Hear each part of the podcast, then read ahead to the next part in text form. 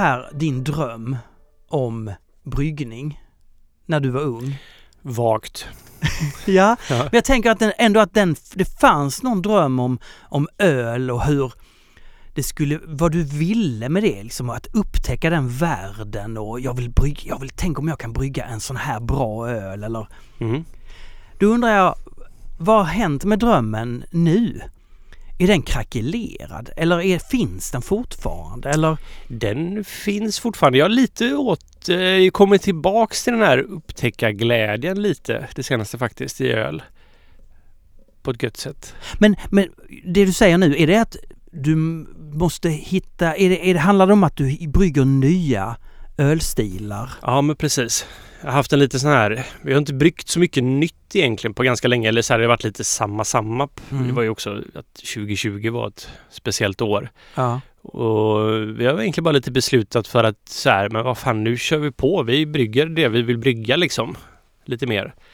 Så jag går runt och funderar mycket. Så här, då har det också blivit så här att man dammar av gamla idéer man har i huvudet och så börjar man fundera. Och det är väldigt roligt att tänka på det. För det var ju det som jag gjorde för att för innan vi kom igång med och innan jag började, bör- började brygga på Stiberget då när jag var hembryggare på Palazzo så var det mycket med att man fantiserar om vad man skulle göra i framtiden och hur man skulle göra saker och liksom gå runt och mentalt liksom så här bygger upp den här världen i huvudet. Mm. Och eh, istället har jag ju levt det, det senaste. Och det är ju inte alls som man trodde att det skulle vara. Såklart. Men så här, det är ju en, eh, jag lite kommit tillbaks till det att så här liksom få gå runt och liksom bearbeta öl och liksom idéer och framtid på ett annat sätt, vilket är inspirerande. För det jag tänker är att det du håller på, har hållit på med de senaste två åren är verkligen ett företagsbygge. Och det är ju någonting helt annat än att drömma om den där ölen man vill göra. Mm. Eller de går ju ihop också liksom. Ja. Det gör det ju. Eller så här, jag ser ju det som en helhet liksom att man bygger ett företag där- ölen är en viktig, viktig, viktig komponent liksom. Allting kretsar ju kring det. Jo, men jag tänker så ändå så här med anställda och hela den, den biten. Alltså du har ju den biten där du det är, ju något, det är någonting helt annat. Det handlar om en mänsklig relation där det finns ett maktspel, där du måste bestämma, där du måste ha, Mm. ha tankarna på något helt annat. Mm. Tänker jag. Alltså det, det kan väl vara otroligt utvecklande men det, det är ju inte liksom grunddrömmen att... Nej, det. Eller, jag vet inte, jag, jag har alltid... Eh, lite också Det på är ett din sätt. grunddröm, ja. Nej, det. Det, är inte, men den tillhör grundrummen. Man, alltså, man får alltid tänka st- alltså, Ja. stort liksom och att Mm. ja, men bygga OO som företag har ju varit någonting som inte för att det blev exakt som man tänkte sig att det skulle bli men Nej, det kanske var din och Olofs, det ni också pratade om. hur- precis, precis. Det är ju en sån här Alltså det är ju inte bara att man går runt och tänker bara på öl. För om man ska göra ett företag så inser det är ju väldigt naivt att tro att man bara kommer brygga öl liksom. Du, det jag funderar på då är, för att när du och Olof en gång satte och vi, satte er och snackade om att ni kanske skulle ha ett eget ställe. Det var faktiskt tio år sedan här i januari eller februari. Olof kom in och sa så här. Nu är det tio år sedan vi satt i ditt kök och bestämde att vi skulle starta bryggeri.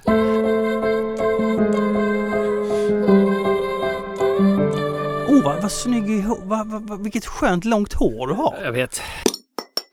I det här samhället vi lever i så är det, handlar det ju om att man vill göra någonting och så skaffar man ett bryggeri och så kan man göra det. Men den viljan, det handlar ju också om att växa, att bli större, att upptäcka någonting nytt. Alltså, det, har vi pratat om tidigare här, alltså att det finns ju någonting gott i att oh, nu finns vi på, nu finns vi med fem öl på Systembolaget och vi kan sälja mer, vi syns mer, man, man, man blir mer sedd Mm. eh, och man, man, man får en större säkerhet. Eh, var sätter du stopp för växandet?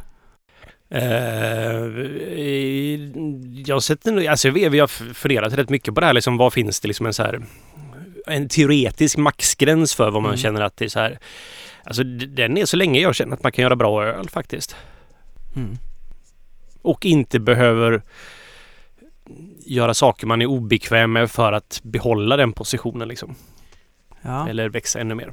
Men tror du inte att man börjar ljuga för sig själv och så säger man Nej men jag hugger ner små hundtassar i den här ölen. Och hundar, då, då, då börjar man säga till sig själv Hundar känner ju ändå ingenting. Det ser man ju på dem. De, de är ju bara djur.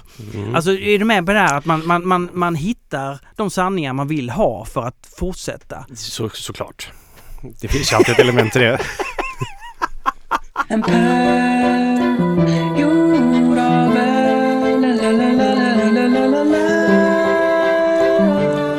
På det att eh, Tyskland är ju ojämförligt eh, största ölproducenten i Europa. Jag sa att de har, gör 8 biljoner, biljoner, hur mycket det är? Det är en, är det en triljon? Det vet jag inte. En, det är en miljard, så är det. Ja. Och de gör 8 miljarder liter öl. Mm, det är ganska mycket alltså. Ja, det är rätt mycket. England gör 4 Ja. miljarder liter. Sverige gör 0,5 miljarder liter. Det är ju bara 10 miljoner Ja. också. Men vilka dricker mest? Det vet du va? Tjeckien eller? Ja, jajamän. Mm. De är... De är väl uppe i så här 52 liter öl per invånare eller liknande i Ja snittet. men de är... Alltså jag... Det, alltså, Nu tog jag bara en siffra här som jag känner. men de kanske inte dricker varken sprit eller eh, vin. De knarkar inte på och de eh, gör ingen, Det är öl som gäller för dem. Mm. Kan man... kan, kanske, kanske är så. Tyskland, Tjeckien och ölkultur. Mm. Det är så extremt stark. En stark eh, grej. Alltså det, vi har ju inte det i Sverige. Nej, verkligen inte. Men hur... Alltså vi kan ju aldrig nå dit på något sätt. Är Nej, du det avundsjuk på det? Ja, men lite avundsjuk på ett sätt. Jag skulle ju vilja ha att det var... Eller det kanske jag inte ville egentligen. Eller jag tror jag vill ha att vi har en rotad ölkultur med liksom egna traditioner och en form av... Eh, ja, men där ölen har en självklar plats på något sätt som en i samhället. Det hade det är jag avundsjuk på. Sen så jag vet inte, jag är alltid en sån person som går mot, eller så jag är alltid ganska anti liksom. Så om det hade varit väldigt populärt med öl så hade jag kanske satsat på något helt annat istället. det vet jag inte. Men jag tänker ju faktiskt att så här, vi kan ju göra folkölen. Jag har ju varit väldigt av, alltså jag har inte trott på folköl tidigare. Men nu tror jag på folköl stenhårt faktiskt. Mm. Vi skulle ju kunna göra folköl till en svensk folklig grej liksom. Ja. Äntligen kan vi, kan vi utnyttja systemet till en fördel som skap, att vi ska, vi tvingar Precis. fram. Det är alltid så här. Det är ju liksom genom begränsningar typ sådana här traditioner startar liksom. Så jag tror faktiskt på folköl och att folköl kanske kan bli som en liksom en ja men en social en så här grej vi gör som en svensk kultur helt enkelt. Vi dricker folköl tillsammans. Folkölsbarer kommer upp nu. Du, har ju helt rätt ju. Vi sitter i folkparker och dricker folköl. Nej men du, alltså vi, du, vi tar en liten paus. Jag hämtar kaffe nu. Ja. Du Olle, vad har hänt på OO då? Det senaste? Ja, vad har inte hänt Martin? vad är det för svar? Det är Ett icke-svar för jag, vet, jag kommer inte riktigt... Det var så jag måste fundera här.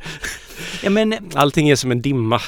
men du, Mm. jag såg en bild på the Instagrams Mm. som där det stod bruksbitter på. Ja, det har vi byggt. Vi har byggt lite nya öl. Så vi har byggt en, eh, en Golden Ale. En golden, alltså golden ale. Golden ale. Alltså en gyllene, alltså vad är det? Det var ju så här en brittisk ölstil som man eh, bryggde för att konkurrera lite med lagen när den kom. Att det bara en väldigt enkel ljus ale liksom. Med Men, så här- vadå, en kölsch eller? Ja, nästan. Nej men alltså man, jag har druckit allting från Golden Ale som smakar ingenting i stort sett Ja. liksom, till eh, Golden Ale som är fantastiskt goda. Liksom så här bara lätta, väldigt, ganska somriga öl skulle man säga. Fyne eller Fine eller vad de heter. Ett skotskt bryggeri. Ja. Av någon anledning så har skottar blivit ganska bra på att brygga Golden Ale. Så då, Okej. de har en som är eh, Citra-humlad. Som, eh, jag, som heter Jarl då, som jag har druckit i, framförallt i Rom av en här. Men du har också druckit den i Rom. De har ju stod Ah. ju bredvid oss på, eh, eller Jaha. ganska nära oss på eh, eh, Ja, ja. Europe. Mm. Men det skotska bryggeri så de skickar ju ner då till Macke, skickar de ner eh, eh, kask helt enkelt. Mm. Så det är fantastiskt god. Så att jag är lite inspirerad av den. Mm. Så har vi bryggt en eh, Golden Ale som kommer då dels både i folköl och i en vanlig öl. Okej, men det är alltså en klar ale Kan man säga det? Alltså, Ja, vi har ju torrhumlat den så den blir ju lite slightly hazy liksom. Ja, slightly hazy. Ja. Och vad har den? Har den brödiga toner? Har Nej, liksom, det, alltså, det nej? ju, här, vi använder bara Golden Promise, lite Ja. vete och en väldigt ljus karamalt liksom bara för att få lite. Och så är det, den, vår vanliga kommer vara på 3,8 så det blir väldigt lite skillnad mellan Mm. de här två. Och eh, så det kommer vara nästan som en folköl fast med och så jag har satsat på ganska låg utjäsning med vår engelska gäst för att bevara lite kropp och så har vi Ja. Eh, gärna lite, alltså det, vi ska vara lite fruktiga ester från det tycker jag för det blir ganska gött. Så det blir ju fortfarande en brittisk, ganska lågt hum eller bitterhet också så att jag tror det kan bli väldigt gött som en sommaröl. Okej, så den gör ni. Mm. Okej, och den här bruksbittern då? Ja, den är också bryggt. Och det är ju en... Den vill jag velat göra jättelänge ju liksom. Jag har ju snackat om bruksbitter. Mm. Och vad, vad, när du säger bruksbitter, vad menar du? Alltså man ska bruka den varje dag? Liksom... Nej, jag tänker på gamla bruk. Jaha. Nej, men det känns väldigt bitter att det är bruk i bakgrunden. Man dricker en bitter och så ser man tegelbyggnader. Ja. Ja, jag vet inte. Nej. Alltså jag tycker bara det är ett gött namn. Det är en är allitteration ja. liksom. Bruksbitter. Ja. Och det blir en starköl på 4,5 eller? Ja, fyra två blir det. Ja. Eh, så ja, men det bryggde vi. Den blev lite mörkare än vad jag hade tänkt. Men Det här med färg och OO. Jag tycker ofta ni... ja, jag kan alltså. Ena gången så är det som att så här, jag brygger Känner du igen den här problematiken? Jag tycker det händer. Jag, det stör mig så otroligt mycket det här att så här. Jag gör en grej och så blir det inte riktigt som man har tänkt sig. Mm. Oftast är det som att så här. Om man ska göra en öl som, ja men så blir den, den blir för ljus då helt enkelt. Ja. Så nästa gång jag gör någonting där så överkompenserar jag alltid så att det blir andra hållet. Ah, Och så blir det som en så här man...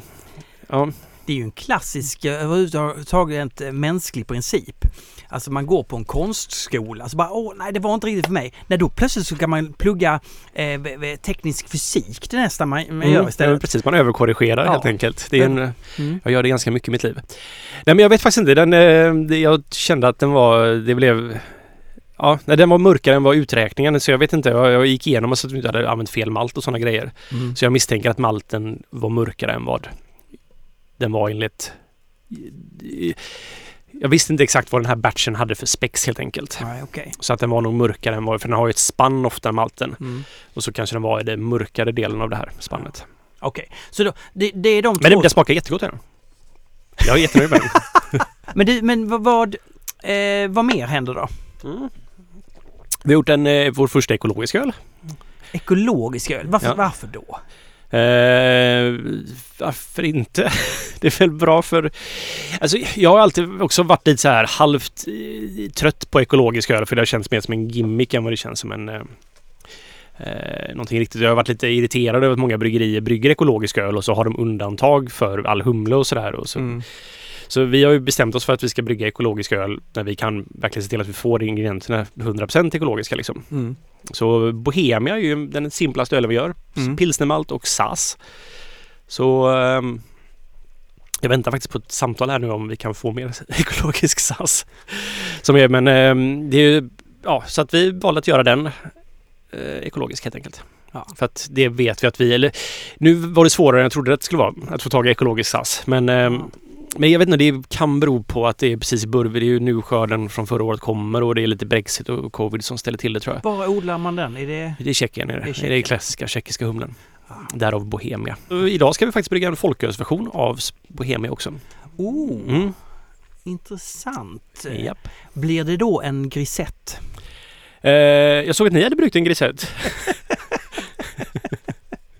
Ja. Ja, alltså jag vet inte fan vad... Det är ju typ så här norra mot södra Belgien om man har grisett eller inte.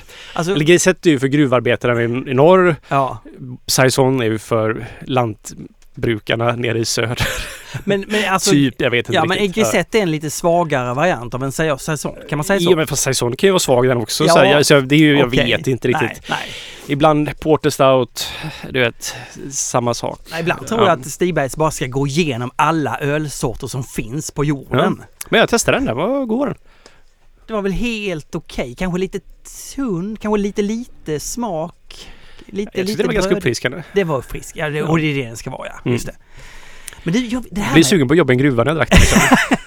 Jag tycker, jag tycker däremot, alltså jag tycker att en saison måste vara så extremt eh, mitt i prick för att jag ska uppskatta den. Alltså den ska ha... Jag kan tycka att de här lite brödiga tonerna, eller det här, det här man får av saisongästen, Mm. de, den estrarna eller vad vi kallar det för. Att det, det kan, jag- då tycker jag så här, men rikt, alltså, humle är godare och, och, det, och det här knäckiga i en, i en eh, bitter kan vara godare. Mm. Och det här, alltså, Du kommer komma runt Martin. Förr eller senare kommer du sitta här och inse storheten med Saison. är det så? Ja, jag tror det. Ja, Ge det okej. lite tid bara. Ja, Mm. okej. Men sen så, ja, vi har också haft lite strul på bryggeriet senast. Mycket utrustning som så här... Alltså liksom- vad gör ni med utrustning? Jag tycker det alltid Ja, men lite... utrustning är ju, alltså det kan antingen funka eller inte funka. Det är ju liksom väldigt binärt på det sättet. Men använder ni den på rätt sätt eller slår ni på den? Nej eller? men vi använder men det är bara att så här, vi använder den ganska mycket liksom varje Ja. dag ut och in och så är det Ja. så här, det, till slut så bara fungerar så här, Vi har haft lite små, alltså det har inte varit några stora, men i veckan så hade vi till exempel vi har ju en kross och så har vi en skruv som går in till vår silo där vi förvarar då krossad malt. Mm. Och så eh, sen har vi till skruv då, in i bryggverket. Så ofta så krossar vi malten dagen innan och så ligger den då krossad i eh, silon då helt enkelt. Så bara mäskar man in dagen efter. Men i veckan så skulle vi krossa vi samma morgon då som vi skulle brygga liksom. Mm. Och så la skruven av. Så att vi hade ju börjat mäska in medan vi krossade liksom. Så gick skruven som föder in i maltsilon där det sen tas då in i bryggverket. Så vi kom halvvägs in och sen så bara la skruven av till maltsilon. Ja, men vad gjorde ni då? då? Ja, vi fick avbryta den inmäskningen så det blev ingen öl så vi fick dumpa den.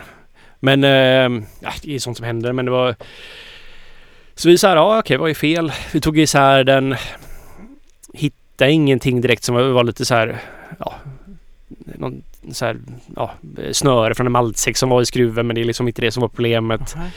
Så vi plockade isär den och typ så här, den kanske var lite sned. Satte ihop den igen, den funkar. Va? Ingen aning men man la hela dagen på det. Men var nervös nu då framöver här? Jag är hela tiden konstant nervös för att alltså, vi har ju så mycket utrustning som är så här att om inte det här funkar så kan vi inte brygga öl. Och då blir det ju väldigt jobbigt att driva Alltså- ett bryggeri liksom. För det måste ju vara extrema pengabortfall om man inte... Om man, om man inte kan brygga öl så är det jätte, det är ju bara för, ren och förlorad inkomst liksom. Men behöver ni brygga? Hur må- många gånger i veckan brygger ni? Vi siktar på att brygga fyra gånger i veckan. Ja, det är mycket alltså. Ja, Eh, Hur många öl plockar ni, plockar ni ut? Fyra i var- varje vecka också? precis. In och ut. In och ut? Ja, Ja. Annars, hade, annars hade ni bara samlat, hade köpt på er nya tankar och... Precis. Jättemärkligt. Ja. Eh, Nej, men det har varit lite sådana grejer som varit så här, bara så här små saker som har strulat som varit så här att man... Men jag tänker att det är bryggeriets sätt att säga till en så här att allting har funkat väldigt smidigt väldigt länge. Man blir så van, man kommer in i ett lunk och så bara så här... Ah, nu har ni lite för gött typ.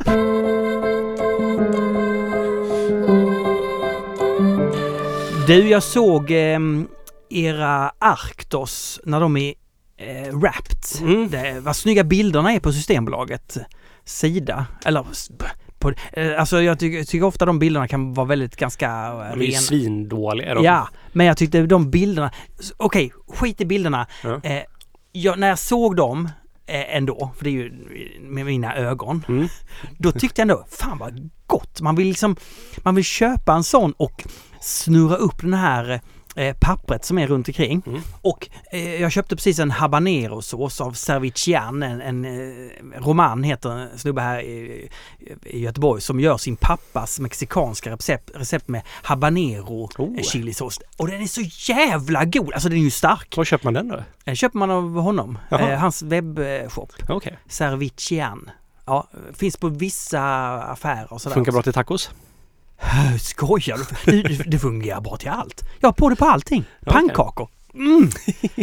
Kommer den också wrappad liksom? Den kommer wrappad. Ja. Det är det jag menar. Alltså, och, och den här tonfisken du kan köpa på Luckans fisk. Eh, som den här, eh, den, Ja, här, just- den här som är spöfångad. Men det måste ju vara hipstern i mig. Att åh vad gott och gammaldags det är med de här insvepta Mm. glasflaskorna. Precis, jag tänker på Underberg de här, eh, Ja, ja. så här små shotsen av någon Mm. örtlikör, Ja. sprit.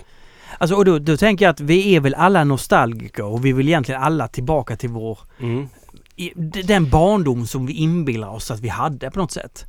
Alltså att vi Nej men det är inte så jag menar alltså att vi rent intellektuellt vill tillbaka till barndom. Men det som påminner på något sätt, Mm. på ett nostalgiskt sätt om vår barndom, det tar vi till oss. Ja men det är verkligen. Nej men det är ju, man är ju alltid, man kommer ju aldrig ifrån det. Man växer ju aldrig ifrån det. Man kommer ju alltid längta tillbaks till barndomen på något sätt. Ja. Element därifrån liksom. Och då får man bara invänta, om man då håller på med ett företag eller håller på med någonting, då får man bara invänta de cykler som går. Oj, nu är 80-talet tillbaka. Åh, vilken tur! Ja, för jag precis, gillar ju det. Då kan jag rida på den vågen och så Mm. vidare. Ja men det är ju någonting men det istället jag blir det så inser, jag- mer inser jag ju bara så här att shit allting bara kommer. Snurrar runt och runt och runt liksom. Det är Ja, spännande faktiskt. Det är det faktiskt. Men eh, om du gillar rapping så mycket så får du gärna komma ut och rappa lite. Inte rappa utan rappa då. Nästa år när vi gör det här. Fan vilken tid det tar. Ja, vilket, ja. det Får är... kramp i händerna av att hålla på med det där. Ja, Mm.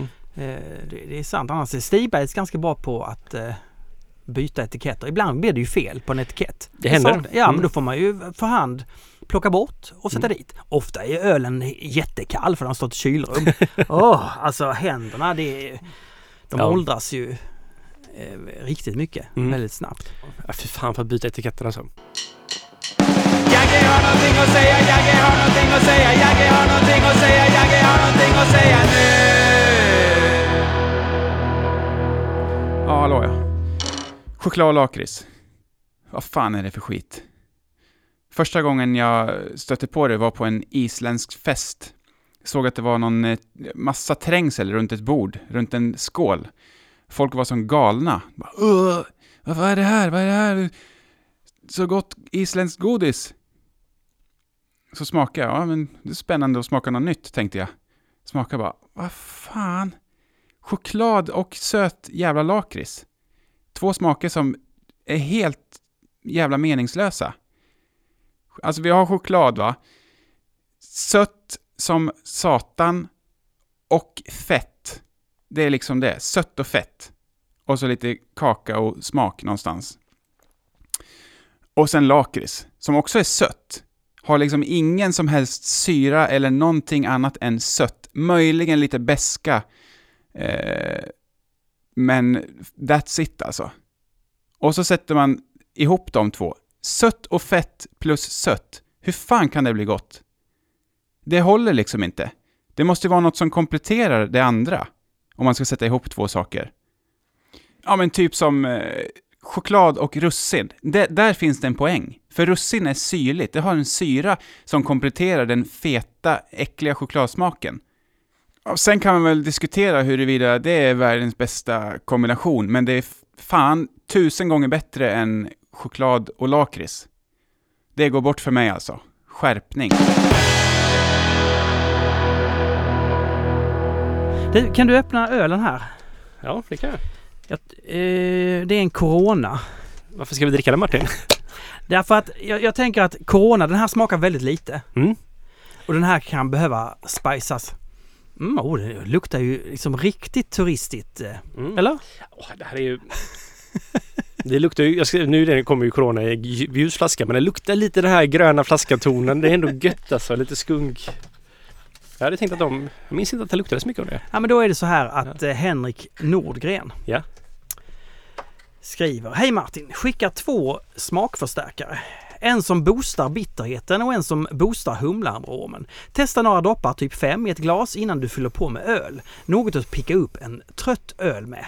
Eh, eller inte. Han vill inte säga att det är rätt eller fel. Ja. Känner du till de här? Kallsäck? Nej det gör jag inte. Nej, okej.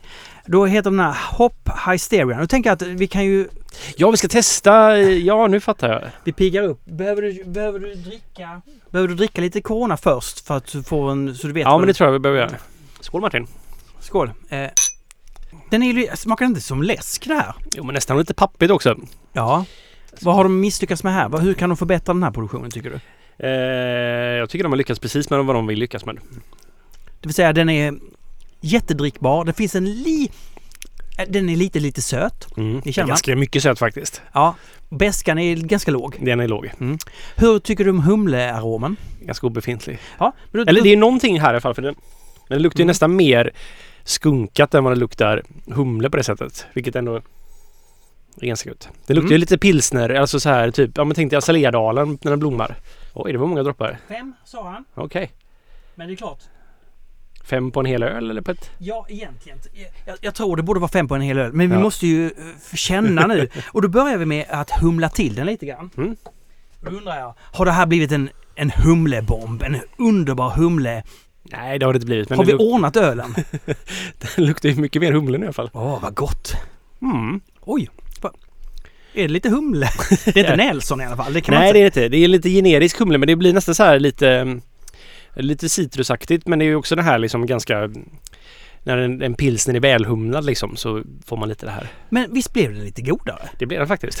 det tycker jag att det blir. Då tycker jag att vi tillsätter bittern, bitter i det här direkt. Ja, det kan man Ja, det är bitter som är den andra. Så det här var humlearom då. För nu kommer vi ju få den perfekta ölen. Det är ju Ja. inget att snacka om. Nej. Vad tror du? Fem droppar här också? Ja, men kör på Martin. Det ligger ju som ett litet moln på toppen av glaset. Det, ser, det här blir inte så vackert blir det inte. Det här Nej. ser ut som man har haft i... det är ju inte en utseendeförstärkare. Nu gjorde vi den lite hazy också. Det ser ut som det flyter runt massa proteiner i den nästan. Aha. Eller jäst. Nu luktar den inte alls lika gott längre. Nu luktar den väldigt så här eh, typ gammalt eh, kryddskåp liksom. Gammalt kryddskåp. Och lite svettigt också faktiskt. Ja men okej. Aj då. Ja, den blev bäskare blev den. Men det, den var godare innan den här sista biten faktiskt. Men det är det jag funderar på, det här med smakförstärkare.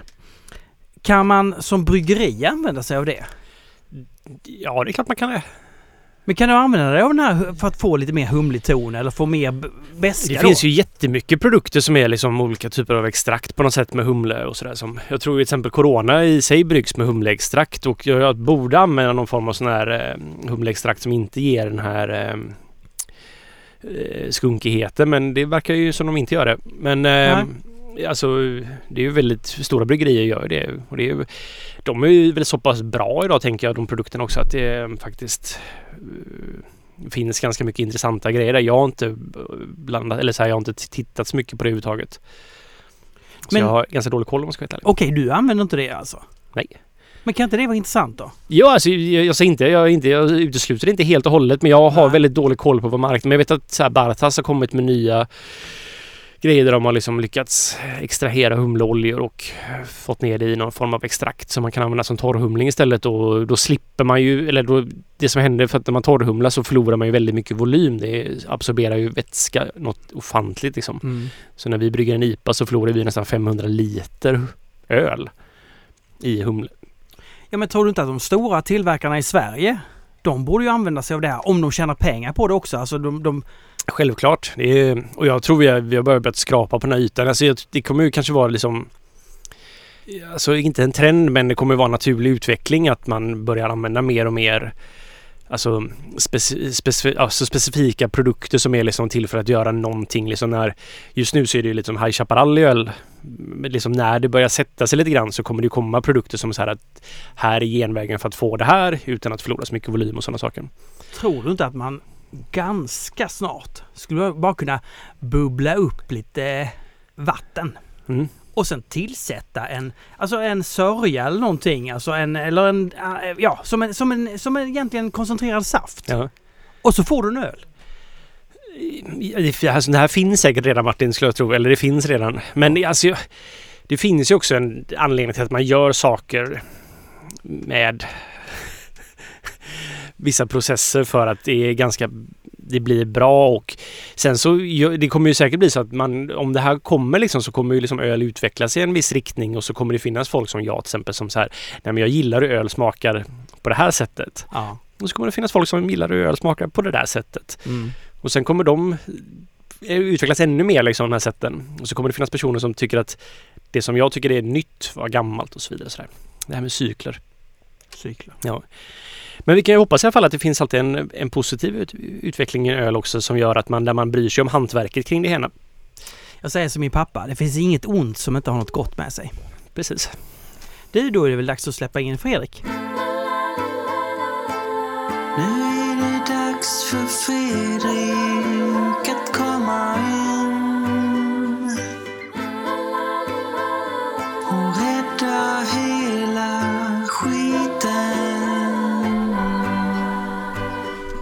Hej Fredrik! Hallå? Välkommen in i Tack. värmen. Tack, tack, tack. Vad är det bästa du har druckit sen sist?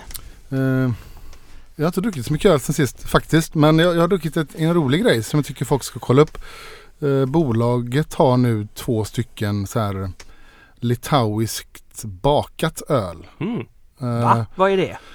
Alltså jag tror aldrig jag har druckit det förut. Jag har bara läst om det. Men det är som en, finns för, i, i Litauen och Estland, Lettland, Litauen så här farmhouse-tradition där också. Att lite hur man gör öl hemma och på gårdarna. Eh, det finns något som heter Keptinis tror jag det heter. Keptinis eller något sånt. Som är så här litauiskt bakat öl där man görs på lite olika sätt men det innehåller ganska mycket råg på samma sätt som råg används ju ganska mycket också i Finland. Det är lite så här den typen av öst, östanvändning av eh, spannmål. Som man helt enkelt eh, bakar i ugn. Man kan också baka mäsken i ugn liksom, i, i små brödformar och sådär, delar av mäsken. Och nästan rosta den så att det blir lite bakat bröd av malt och mäsk då. Det finns lite olika metoder att göra det där. Jaha. Och sen så Mm. blöter man ner det här då bara? Vissa blöter ner det och lägger liksom malten i, i så bakformar och kör det i temperatur hårt och bakar det.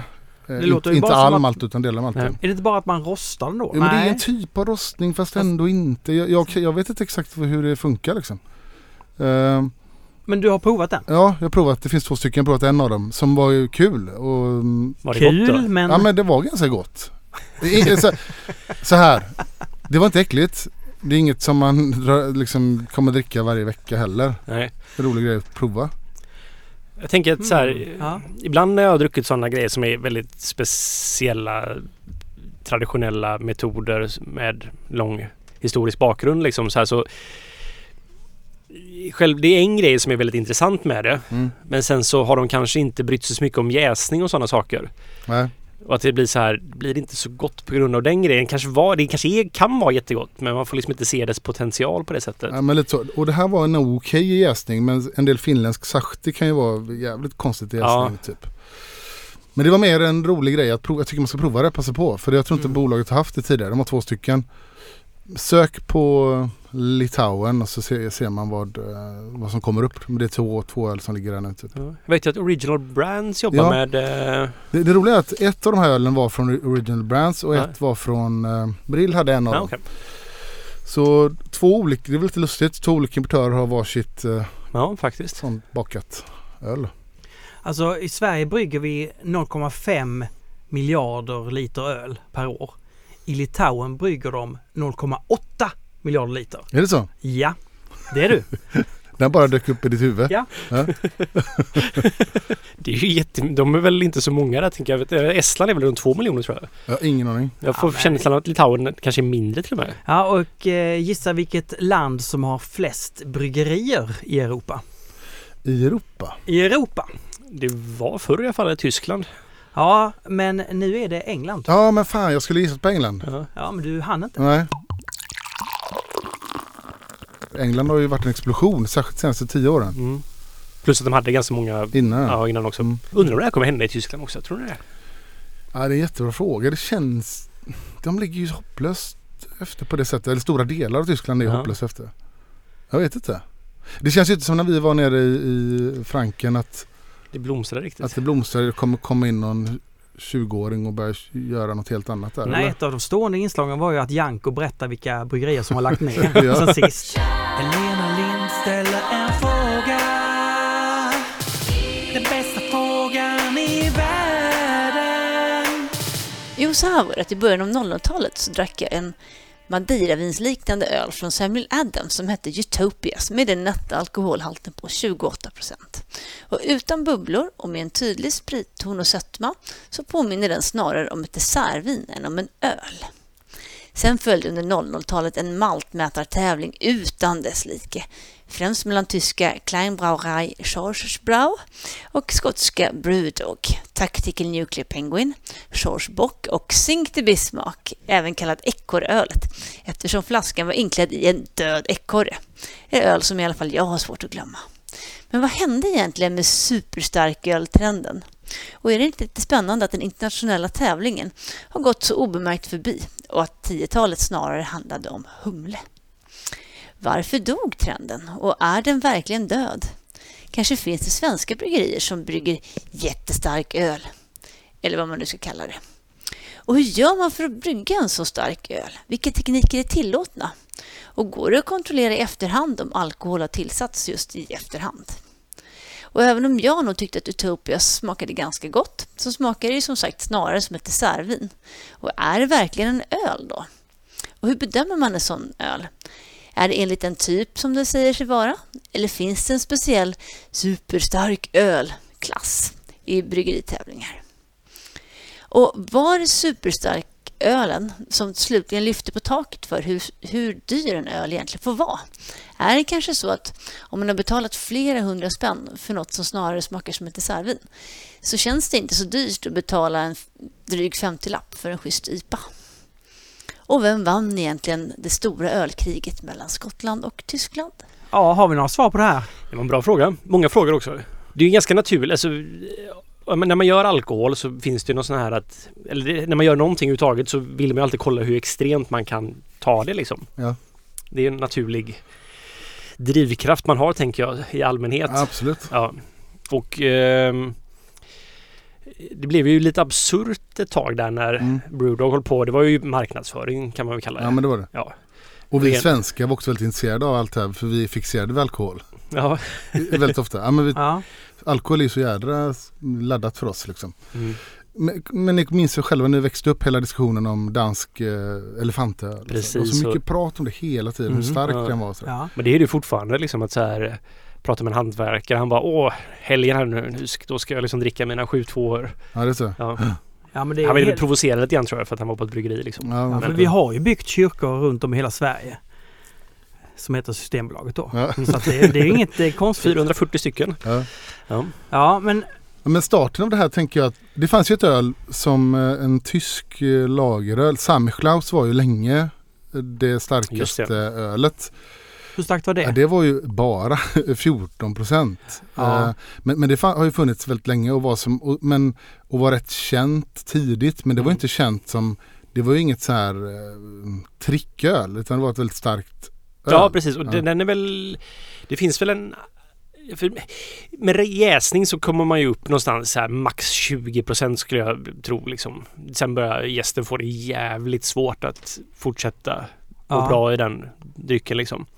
Men liksom 15 är ju extremt mycket för en öl. Ja, Så det är där många gäster lägger av efter det. Sen finns det så här specialgäster som kan fortsätta efter det. mm, Men det blir inte alls så gott när de får jäsa så starkt liksom. nej, För det finns ju olika tekniker för att få fram det här. Och då är det ju så, dels bara ge- genom klassisk jäsning så starkt som möjligt. Och sen så att man frysdestillerar och liknande. För Mm. samma klass har väl en frysdestillerad version. Och, det vet jag inte. Som en icebock menar Ja, du? eller minns jag nej, fel det nu? tror jag inte. Men det Nej, finns det ju tyska bryggerier som gör icebock. ja. Nej, för samma klass är ju, den är ju bara jäst liksom. Jag tror att den bara är jäst. Ja. Ja. Men alltså frysdestillera, måste jag, hur gör man då? Man är Eh, inne i en frys och destillerar? eller? Ja, det man gör är att man fryser ner en öl som är mycket alkohol i sig. ja. Eh, och eh, kort och gott egentligen säga att det är Ta bort vattnet. Ja, isen. man tar bort vattnet liksom. Man tar bort isen. Så man låter det frysa. När man tinar det så det första som rinner ut är ju alkoholen med tillsammans med eh, maltsmakerna då. Så det är som att det är ett sätt att bara liksom separera vatten från en öl då helt enkelt. Genialt. Mm. Ja. Ja. Men och det har ju funnits så här länge i Tyskland, icebox och sånt. Ja. Att man har fryst ner öl. Precis. Ja. Och eh, det är bara, den tekniken gör ju också att man får med maltigheten om man då destillerar istället som ett sätt Mm. att separera alkoholen från vätskan. Liksom. Då får man ju bara ut alkoholen Mm. som då såklart har fått en smak av. Det är ju jäsningen framförallt där men här får man ju med maltigheten då helt enkelt. Så att jag tycker att det fortfarande är öl. Absolut. Det känns Det- som en... Men när blir det inte öl då? Ja, men jag tycker det är väl öl hela tiden. Alltså- Eller? Ja, alltså för mig är ju öl egentligen bara att det är man har bryggt någonting som är maltbaserat. Ja. Sen vad man gör efter det så blir det fortfarande öl i dess grundform liksom som man har gjort processat liksom och att i det här fallet så är det bara att man har använt en teknik för att separera bort en del av vätskan till från den. Mm. Ja men när tror ni att man tillsätter alkohol? ja men det gör man ju liksom inte. Det, det det, där gör- är ju, nej. Nej. det där är ju en gammal myt som eh, har funnits länge så att, att det är spritat och på 90, nej inte 90-talet, 2000-talet så upphölls den ju av Steffo Törnqvist. Just Det här blev en stor snackis när han, när han och eh, Bengt Frithiofsson stod och provade öl i TV4s morgonsoffa. det här är en sån klassiker.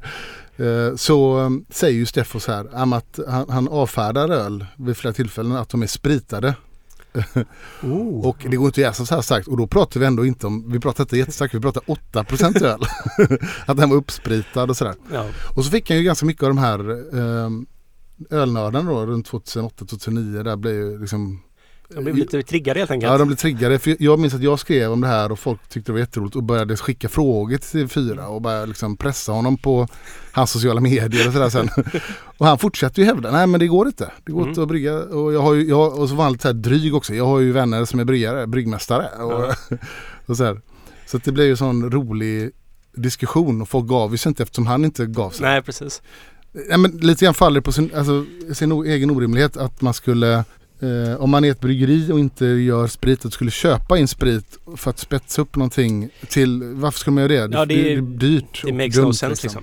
Jag tror det kommer. Det kommer kanske komma in lite på senare också när vi pratar om kask. Men att, att ha spett ut öl har ju funnits. Absolut. Som, det makes more sense rent ekonomiskt också att man gjorde. Men att då blir det ju naturligt att ja, om man kan spä ut öl så kan man ju också sprita upp den. blir en logisk Mm. tanke tänker jag. Så att det är nog därifrån kanske det kommer lite Ja. grann. Att det har mixtrats med öl. Mm. Men inte åt det hållet skulle jag gissa utan Nej, och sen har det kommit, fast det är ju mer på senare år, det har kommit när den stora fatlagringen av Imp Stout och Barley Wines har kommit att, att de har fått lite tillskott av den bourbon som ändå finns kvar, kanske en del fat och sådär. Mm. Då, men det är ju in, det är inte riktigt det de Nej, menade. och där är det ju också Vi har ju, vi har ju mätt öl innan bourbonfatlagring och efter bourbonfatlagring har vi gått upp 1% och det är ju lite Aha. det, Dels har ju evaporerat lite vätska under ett år liksom och sådär Plus då att den har kanske plockat upp lite som satt i väggarna Men det jag funderar på då är svenska bryggerier. Mm. Har de ägnat sig åt riktigt stark öl? Ja men det har kommit några sådana men om man bara backar lite hur det här började sen, hur det Ja. blev en grej. Därför sam, vi var inne på Slam, Sami Klaus var det starkaste. Sen började ju Samuel Adams, eh, alltså Boston, Boston Beer Company, Samuel Adams och Jim Koch, han började ju experimentera med det här på 90-talet. Och han, det var ju en av de tidiga amerikanska så här, st- stora liksom, hantverksbryggerierna. Eh, och han var ju, blev ju enormt, de blev ju enormt stora. Han hade en dubbelbock som kom 89 tror jag. Och då redan när den kom så började han leka med tanken att göra en starkare variant av det. Och, och det resulterade i en trippelbock som kom 92. Och den var 17, nästan 18 procent. Vad hette det? Utopias finns ju Ja, den kom sen. Ja, den kom sen. Men den här, det är de här blåa flaskorna. Ja, det är den. Det, Ja. det, trippelbocken var blå flaska. Den kom till Sverige på bolaget. Ja, jag köpte rätt jag köpte många. också många. Och, eller jag köpte inte så många men Peter, min kompis, köpte många. och sen var den så jävla äcklig. Ja, det var vidrigt var det faktiskt. soja. Eh, Det var riktigt dålig soja också. Ja. Åh, dålig soja är det värsta jag vet Ja. alltså. Usch. Jag kommer ihåg, jag sparade en för jag insåg att så här, det här var ju fan inte alls gott. Jag, jag hade gett, jag hade kanske sex stycken. De var ju svindyra. Ja. Och så var det så här, hittade jag någon bara så här, shit jag har en kvar ju. Och så drack jag den men då var det som att så här, det var trögflytande med stora klumpar i liksom Ja. som kom ut. Den hade ju noll kolsyra, var helt svart, smakade soja, trögflytande. Det var skitäckligt. Och, Ja. och, och alkohol då. Ehm, Kan bara inflika att Samuel Adams, det är ju ändå en av eh, grundlagsfäderna i USA. Mm, mm. Han var ju syssling till John Adams. ah, Eh, Och just nu kollar jag in tv-serien John Adams. Kan rekommendera den. Alltså. Okej. Otroligt eh, bra om hela starten av, ja du vet, Declaration of det. Rights och Independence. Men ja precis. Och, men det här ölet det var ju jäst med champagnejäst och man ma- som tål då användes det ganska mycket. Jag vet inte om det fortfarande används. Men det är då så här att den, den tålde rätt mycket och man matade den eh, med eh, maple syrup, eh, alltså lönnsirap. Tills den bara slutade eh, jäsa. Jaha, Och sen så förmodligen lite till lönnsirap. Ja, oj exakt. vad söt! Ja, så Ja. Den, eh, det var ju det första. Och sen så gjorde han den ett par år eh, till. Sen nästa steg var ju Millennium Ale. För han bara tänka jag kan göra ett ännu starkare öl. Så att inför millennieskiftet så gjorde han, och det kom då ja, uppenbarligen 99, det här ölet. Och eh, då, det var ännu starkare. Jag kommer inte exakt ihåg nu hur många, men det var ju över, det var ju över 20. Då hade man passerat 20 spärren. Um, och det läste jag, då hade han då var det ju, innehöll det 15 eller 20 procent av trippelbocken. Ja, han hade inte fått sålt allting. Nej, för den var förmodligen så äcklig så att den, den, den gick i. Jag har alltid haft så lite konspirationstanke att det var som så här En del av det här blev väl helt okej och det sparade de till amerikanska marknaden. En del Ja. av det här dåliga skickade de till Sverige. För jag kan inte tänka mig att man gjorde en så dålig öl och tänkte att folk Nej. kunde dricka det här. Nej. Men, men just det ölet, Millennium brukar ju an, anges som så här första dyra ölet i hantverks... Det väl det som, som startar så här liksom... Eh, ja, vad säger man? Att betala sjukt mycket för en öl. Så, så Ah. det, den kunde ju säljas för 1000 dollar flaskan. För det gjordes inte så många flaskor av den. Så där. Eh, jag har aldrig, den har jag aldrig druckit. Inte jag heller. Men sen då, det gav han sig inte. Utan han håller ju på, han har ju på i över 20-25 år att börja tänka, göra liksom, hur kan jag göra extremt stark öl? Och han fick ju väldigt ofta frågan att det här är väl inte öl? Och i hans värld då så han vill ju visa att ja, men det är visst öl och öl kan vara något annat. Och, på, och jag tycker på den tiden så var det, jag tyckte att det var lite rimligt att eh, bevisa det. Därför, för det var inte bara en sån här muskelkamp, eh, så här grabbig töntgrej tycker inte jag. Utan det var, lite, det var ändå så här, han var nyfiken på hur jag är ett jäkligt Det starkt var mer som teoretiska experiment på något sätt. Som Ja. ja. det är faktiskt så här, så här, det här kan öl också vara liksom. Det är liksom inte en...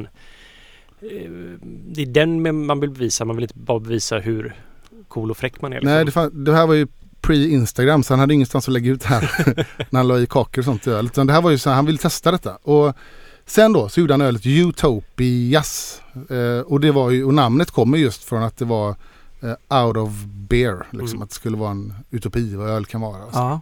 Och den blev ju lagd på specialflaska som gjordes En liten så här destillerings... destilleringsmaskin eller, en, eller kanske eller det ser ut som, det, eller men det ser ut som en ja, Mm. kåpan på en kopp, eller så här, en kopparkåpa på en bryggtunna. Ja. Helt enkelt. Det ser ut lite som en destillerings... Ja. Men och bryggverk också för den delen. Ja. Och det, är den, det ölet pratar ju Helena om. ja. Och det ölet har jag druckit flera gånger. Det är jättegott. Det gillar jag. är, Precis. Det var det som var 28 procent. Ja. Ja. Men det smakar ju verkligen som ett dessertvin liksom. ja. Det är, Och hur kommer man då upp i de här 28 procenten? det är ju... Dels har man ju mat... Eller så, det glömde jag säga också så här. Man kan ju också... En anledning till att man tror man har spritat upp någonting är ju att man kan ju bara mata en ljus lager med massa socker i. ja. och så få upp den till 10% I och med att alkoholen har kommit från socker och inte haft något annat med sig än det kommer ju bara bli alkohol och koldioxid och det liksom. Ja. Så kommer ju den lagen smaka uppspritat. Den kommer ju smaka som att det bara är någon som har hällt i ja, alkohol. det är sant. Mm. så där kan ju den idén ha kommit också från då helt enkelt. Mm. Men jag skulle gissa att man har ju bryggt då någonting så starkt som möjligt. En öl helt enkelt med att man har matat massor med socker eller maple syrup och sen måste man ha frysdestillerat den helt enkelt. Ja, jag har ingen aning. Hur Jag kan inte tänka mig något annat Nej. faktiskt. Mm. Sen kan man ju frysdestillera på massa olika sätt och sådär men det... Ja, det var ju liksom piken då. Men sen så var det, startade ju en, som Helena också nämnde, en tävling mellan Brewdog och ett tyskt bryggeri. Som jag inte kan uttala lika bra som Helena gjorde. Men, Nej, Det är ett extremt svårt namn faktiskt.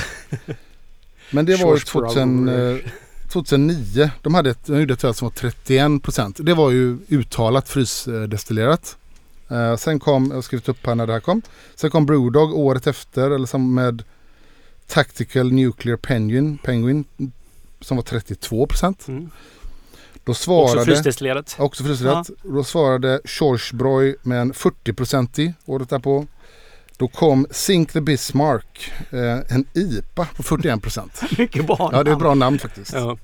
2010. Där, på den här tiden tyckte jag Brewdog var lite roliga och relevanta i sin eh, kaxighet. Sen så spårade det ut lite. Ja, jag, jag har tappat lite... Redan då. Ja, faktiskt. ja, det... Jag, nej. Nej. Men... ehm, Men det var lite kul då. Det var lite nytt då. eh, Tyckte jag. Det de gjorde liksom. Eh, Tyskarna blev inte jätteglada när den hette Sink to Bismarck. Det var väl ganska många som blev ganska eh, provocerade över det namnet, jag för mig. Men, eh, ja men det tror jag. Sen så kom de igen då. Eh, strax därefter. Med den tyskarna med 43% i öl. Då, då svarade Brewdog med eh, End of History som var 53%. Och den la de ju då att en flaska som träddes in i, i, i döda djur. Eh, och när de fick ju väldigt mycket kritik av det. Det var ju så här super, Jaså? super PR såklart. Och de visste att de skulle få kritik för det. Eh, djurvänner gick igång som fan. Och de hade ju ett rätt bra svar direkt. Så att, alla, alla djur är roadkill. så de hade ett, inget djur hade dödats för det här syftet. Nej, och Men man ska ju utnyttja De klädde väl roadkill upp djuren också i kostymen, gjorde de det? Jo, jag för mig det. Ja.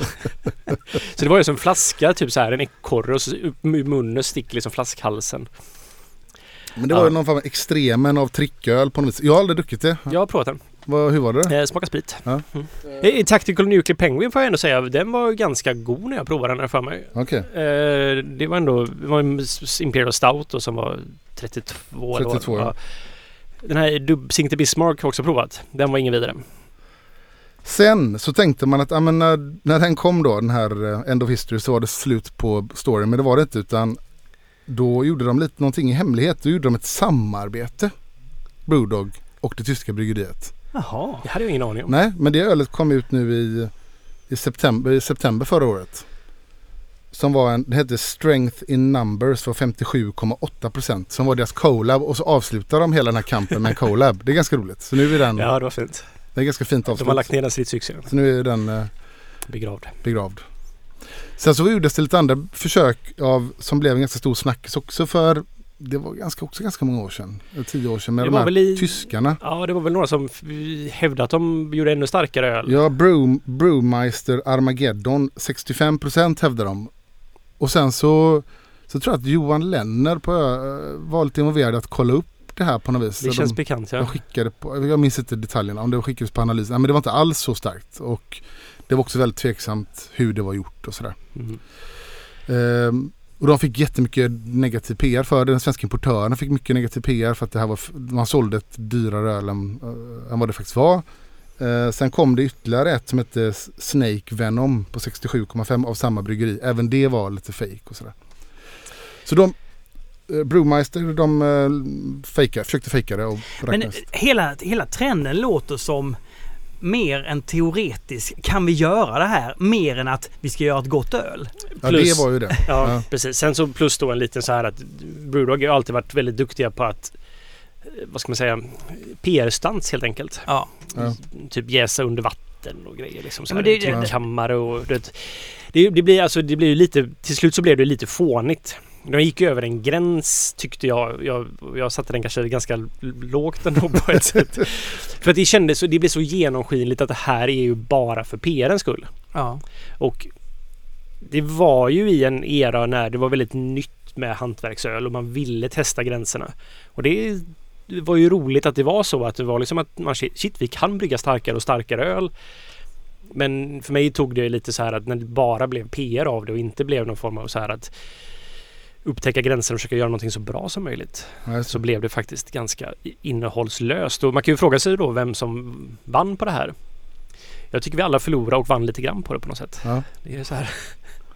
Mm. Ja men det gjorde ju att öl fick väldigt mycket uppmärksamhet. Ja. Sen kan man ju debattera om det var rätt typ av uppmärksamhet. Men jag tror ehm, i England så gjorde det kanske någonting att det bröt lite konventionen mot det gamla tråkiga på ett sätt. Ja. Att det, ändå att det inspirerade nog en hel del personer att de hörde talas om ja, hantverksöl kan vara något annat än kamra till exempel. ja men verkligen. Och i Sverige så vet jag inte. Jag kommer ihåg hur Brewdog var så otroligt populära här. Ja det var helt galet. Och det var... Jag vet inte, jag var ganska trött på det. Jag tyckte det kändes något så här att det... Att det var lite så här, de hade använt billiga knep för att nå folks uppmärksamhet, eller få uppmärksamhet och komma in i folks... Och att det blev liksom så här, det blev ganska bonnigt på något sätt liksom. Ja det blev det. Och Det, blev så, här, ja. det, blev, vill, det var inte det jag ville att öl skulle vara på något sätt liksom. Nej det blev och sen när de skulle gå in i USA och de skulle börja samla in pengar. Det blev så en jävla pengagrej kring det som krack, liksom, jag tyckte det krockade lite med den punk, punka liksom, bild de ville ge eh, sken av. Så blev det väldigt mycket så här PR och pengar. Sen så har de varit inblandade ganska mycket så här. Det vet man ju inte, vi känner inte till bakgrunden men negativa stories som handlar allt ifrån eh, kreatörer som, som har, deras idéer har blivit stulna. Mm. Eh, det handlar om anställda som blivit dåligt behandlade. Det handlar om eh, massa grejer som har kommit upp som det är klart det är svårt för oss att bedöma men man får ibland en känsla att de inte är alltid så sköna som de vill ge en bild av. Nej, eller på ett sätt så tycker jag de är lite så osköna som de ger en bild av också faktiskt. Men jag, jag, har bara alltid jag har haft lite svårt att förstå att folk har tolkat det som något helt annat istället. Ja. Jag tycker de är ungefär som de är faktiskt. Men det är, ja. Ja. Det är betraktarens ögon. Men idag, hur intressant är det idag att göra väldigt stark öl? Alltså stouts kan ju vara på 15 procent och Alltså, vara jag- väldigt goda. Men Precis, jag tycker det är ganska inte, eller jag gillar, men det är så här det är ju mycket rimligare. Alltså det är ju fortfarande, jag tycker det är jätteinspirerande och roligt att tänka på hur kan man hitta sma- balansen och smak att smakerna sitter med en öl som är uppåt till 15 procent. Liksom. Mm. Och det är ju, jag är lite glad att vi haft det här bakom oss. ja. Så vi kan fokusera på att göra stark öl bra istället på något Ja. sätt. Liksom. Precis. Att vi, det är liksom, det, här, ja, det, det händer liksom och nu har vi gjort det och så nu kan vi bara Ja. här fokusera på att göra öl bra istället. Men hon frågar också, eller du frågar, eller hon frågar om Sverige eh, stark, om det var någon sån, så- något som kom i Sverige med sådana starköl. Eh, jag har inte superkoll på det, men det, det jag minns det är ju Mattias Hammenlind på Sigtuna gjorde ju ett, hette det Ace of Spades Ace tror of jag. Space, ja. Det, när det kom var det ju Sveriges starkaste öl då Ja. i alla fall. Jag minns inte hur starkt det var, 18? 18 tror jag. Ja. Det var jag. Sen så gjorde jag även Pang Pang, något så här pepparkaksöl som också var, eller som var över det. eh, ännu starkare. Men, men det känns lite som att den, den dog, den liksom kampen dog. Så att eh, det var väl lika bra. Det blev lite fånigt till slut. Men nu gör Ja, men jag tror, man kan ju inte, alltså, så här, konsumenterna har väl mättnad kring det så här. Ja, men Ja. det här har vi redan varit med om typ så här. Det är liksom, Mm. det är inte, det var ju mer, alltså de här End of History gjordes ju 12 flaskor och liknande bara liksom. Det var ju aldrig en öl som skulle drickas av många personer utan det var ju Nej. liksom extremt limiterad upplaga. Och det blir som så här när man, ja men nu har vi hört den här historien om och om igen liksom. Nu är vi trötta på det bara. Ja men lite så. ja. Men sen den här frågan om det är öl. Men det, det, som Olle sa, det finns ju dels en teknisk beskrivning av vad som är öl. Det är klart att det är öl. Och, och jag tycker även smakmässigt att Utopia är liksom det finns ju någon väldigt så här, tydlig, även om det smakar likör väldigt mycket, så finns det en tydlig ölkänsla i det. Det är som en väldigt koncentrerad barley wine och det är ju bra. Ja, Eh, barley wine smakar ju inte öl, det vet ju Jo, alla. gör det. Nej, men jag menar, jag tycker det är väl i, i min värld, allt är öl, i min värld känns det ännu mer öligt då än vad en eh, smoothie, jättefet smoothie sour är öl. Så jag tycker nog tycker att stark öl kan vara öl. Ja. Eh, finns det någon klass för det? I SM och hembryggning tävlar man ju, då finns det alltid så här övrigt klasser man kan tävla i vad som helst. Det finns ingen klass som heter jättestark öl. Nej, superstark öl. Men det man får säga kopplat till eh, vad den här äckliga ölet som jag och Olle eh, köpte då, den här trippelbocken. Mm. Det den gjorde i vart fall som är ganska intressant. Den skulle läggas, eller låg på whiskyfat. Jack Daniels fat låg delar av den på. På den tiden var det ingen som gjorde det. 90, 91, 92 och sådär. Så att det var också att man var tvungen att testa lagarna lite i USA i vissa delstater. Mm. För att det var liksom inte okej att lägga öl på ett whiskyfat och där det kan finnas whiskyrester. Att man blandade kategorier. Det fanns lite olika sådana Ah. legal grejer. Men då... eh, Så han testade ju det här rent juridiskt och eh, vann det då. Mm. Så det var ju lite grann starten av att... eh, Av För sen var det då Goose sånt. Island som var tidiga med fatlagring Precis, med, eh. Med sin eh, Bourbon County och så. Ja. Men det var ju det var lite senare. Men det öppnar upp dörrarna för de här. Ja. Och det är ju en Bourbon County ska vi vara glada att den finns. Absolut. Tänk om jag sågade ner Allting som vi har byggt, skulle då vara kvar? Minns du den sommarnatt?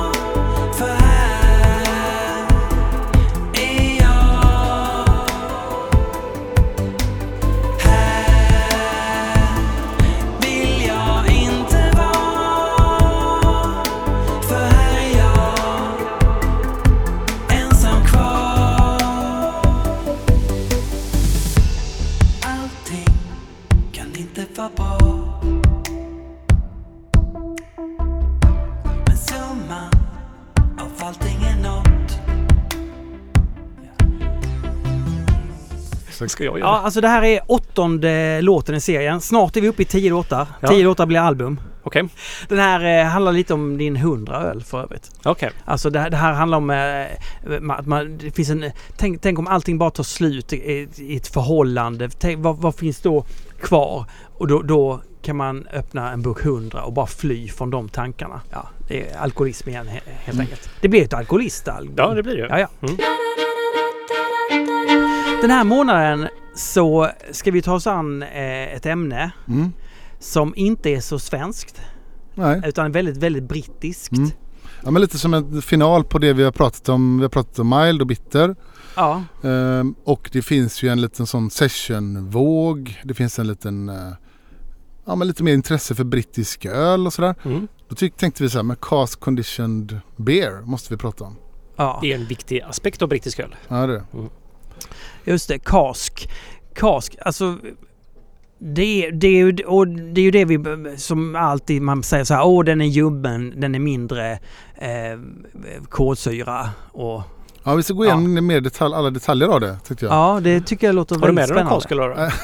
Jag har ju inte det. Jag var faktiskt och tänkte på det. Hur fan man få med sig kask? Jag tyckte det var väldigt intressant när, du- om det var du som skrev att nu finns ju Timothy Taylors. Eller finns nu, nästa vecka. Nästa vecka finns den i ölstugan Fast när det här sänds så är det denna vecka. Ja, Mm, precis. Eh, på flaska och då skrev ju Olli, Ja. eh, bryggare på, på Stigberg som har det som sin bästa öl någonsin att Ja men vadå på flaska det, det går inte att dricka. Det är ju inte, det är inte kask. Då, då har de ju, vad skrev han? Han har, man har ehm, Att den är filtrerad eller något sånt. Alltså jag, vet inte, jag vet inte exakt hur den på flaskvarianten behandlas. Men jag vet att Olli älskar ju och det, det är ju en världens kanske mest kända eller det är världens mest kända kaskprodukt. Så det är så han vill dricka den. Men det är ju väldigt spännande när han säger det. För det det innebär ju att själva kaskserveringen, Ja. det är det som gäller. Det är det som gör ölen rättvisa. Det är ju det som är kärnan. Sen Ja. har ju liksom Camera som vi kommer prata om sen. De har också definierat flaskjäst, eh, opastöriserat, ofiltrerat öl som efterjäser på flaska som en real ale eller bottle condition ale då. Ja. Men kask, det ligger ju i namnet att det är, det är ett fat. Mm. Mm. Precis. Men det ska vi inte snacka om. Nej. Har ni, när drack ni första kasken? Jag drack min första kask på The Rover kanske mm, 04-05 någon gång. Ja. Eh, tyckte det var jättegott. Kom tillbaks lite någon dag, två senare. Drack samma öl och tyckte det var fruktansvärt äckligt. Ja. Sen så höll jag mig borta från kask. Ja. Det, var, det, var, det var så vidrigt så att det var helt... Det var nog då, den äckligaste ölen jag druckit då i alla fall. Jag drack min första eh, kask i Krakow. Det har du sagt förut. Ja, jag har berättat det här i Ölpölen tidigare. Det var väl två, tre år sedan. Eh, och ja, då hade vi precis börjat med Ölpölen och vi pratade om kask och jag blev intresserad. Och när jag var i Krakow, råkade vara i Krakow eh, med familjen så letade jag upp och det finns en mycket, mycket brittisk bar som serverar kask i Krakow. Mm. Och där träffade jag britter som också hånade mig för att jag tog en liten Just öl. Bara, ja. Kan du dricka en halv pint? Det går inte. Du är man, du har en halv pint. Det är bara kvinnor som kan dricka halva pints. Men de var också lite imponerade. De bara, oh kan man göra det här? Oh, vad spännande. Ja. ja, och det var väldigt gott. Ja, du, ja, du gillade det från början? Ja, Ja. det, jag tror det var ett riktigt bra ställe. Det, mm, de hade ett väldigt hög rating på där jag sökte och så vidare. Och, Min uppfattning är ju att när det finns kask utom, utanför England Mm. så är det oftast bra. Det är bara så det fungerar liksom. För det är de som visat intresse Ja, för det. precis. Absolut. Det är eldsjälar som driver Ja. det och då blir oftast per automatik bättre. Och när man dricker det första gången så är det ju verkligen så här gilla eller avsky. Det, det är väl vanligt. Jag drack min första i, på, i Göteborg på en ö, Det var en ölmässa i Göteborg. Som Marianne anordnade. Hon som har Stockholm Beer. Mhm. Hon hade ölmässa i, i två år i Göteborg. 90, 96 och 97 tror jag det var. Så 97 drack jag en Real Ale. Eh, Broughton Ales från Skottland. Det är fortfarande ett så här minne som jag har kvar som jag verkligen älskar deras öl. Och jag tycker fortfarande det är ett fantastiskt öl. Då hade de en hel så här sex eller åtta casks på Göteborg 97. Ingen visste vad det här var. Jag hade ingen aning vad det var. Jag tyckte bara det såg lite intressant ut. Jag gick dit och drack det. Tyckte det var supergott. Så här, karamelligt och mjukt och liksom smakrikt. Så då, men jag visste ju inte vad det var. Fortfarande inte vad det var. Så det var, det var min första eh, kontakt med det. vad, tyckte, vad tyckte du? Ja, jag älskade det. Men det är det jag menar. Sen, det är det som är ganska viktigt. Den första känslan av det. För att många har ju också druckit en dålig kask som första gången och inte gått provat igen. Mm. Ja, Linus eh, här nere i köket. Eh, han sa det att eh, när han var i London för ett tag sedan, hur länge sedan det var nu, så gick han in på en brittisk bar. Åh, nu ska jag dricka en sån där kask. Åh, vad äcklig den var, tyckte han då. Och då, då tänkte jag på det som vi har sagt att kanske det finns väldigt många barer i England som inte gör det på helt eh, hundra sätt. Absolut. Mm. Det har, fu- det har ju funnits massa problem med det. Att, eh, Mm.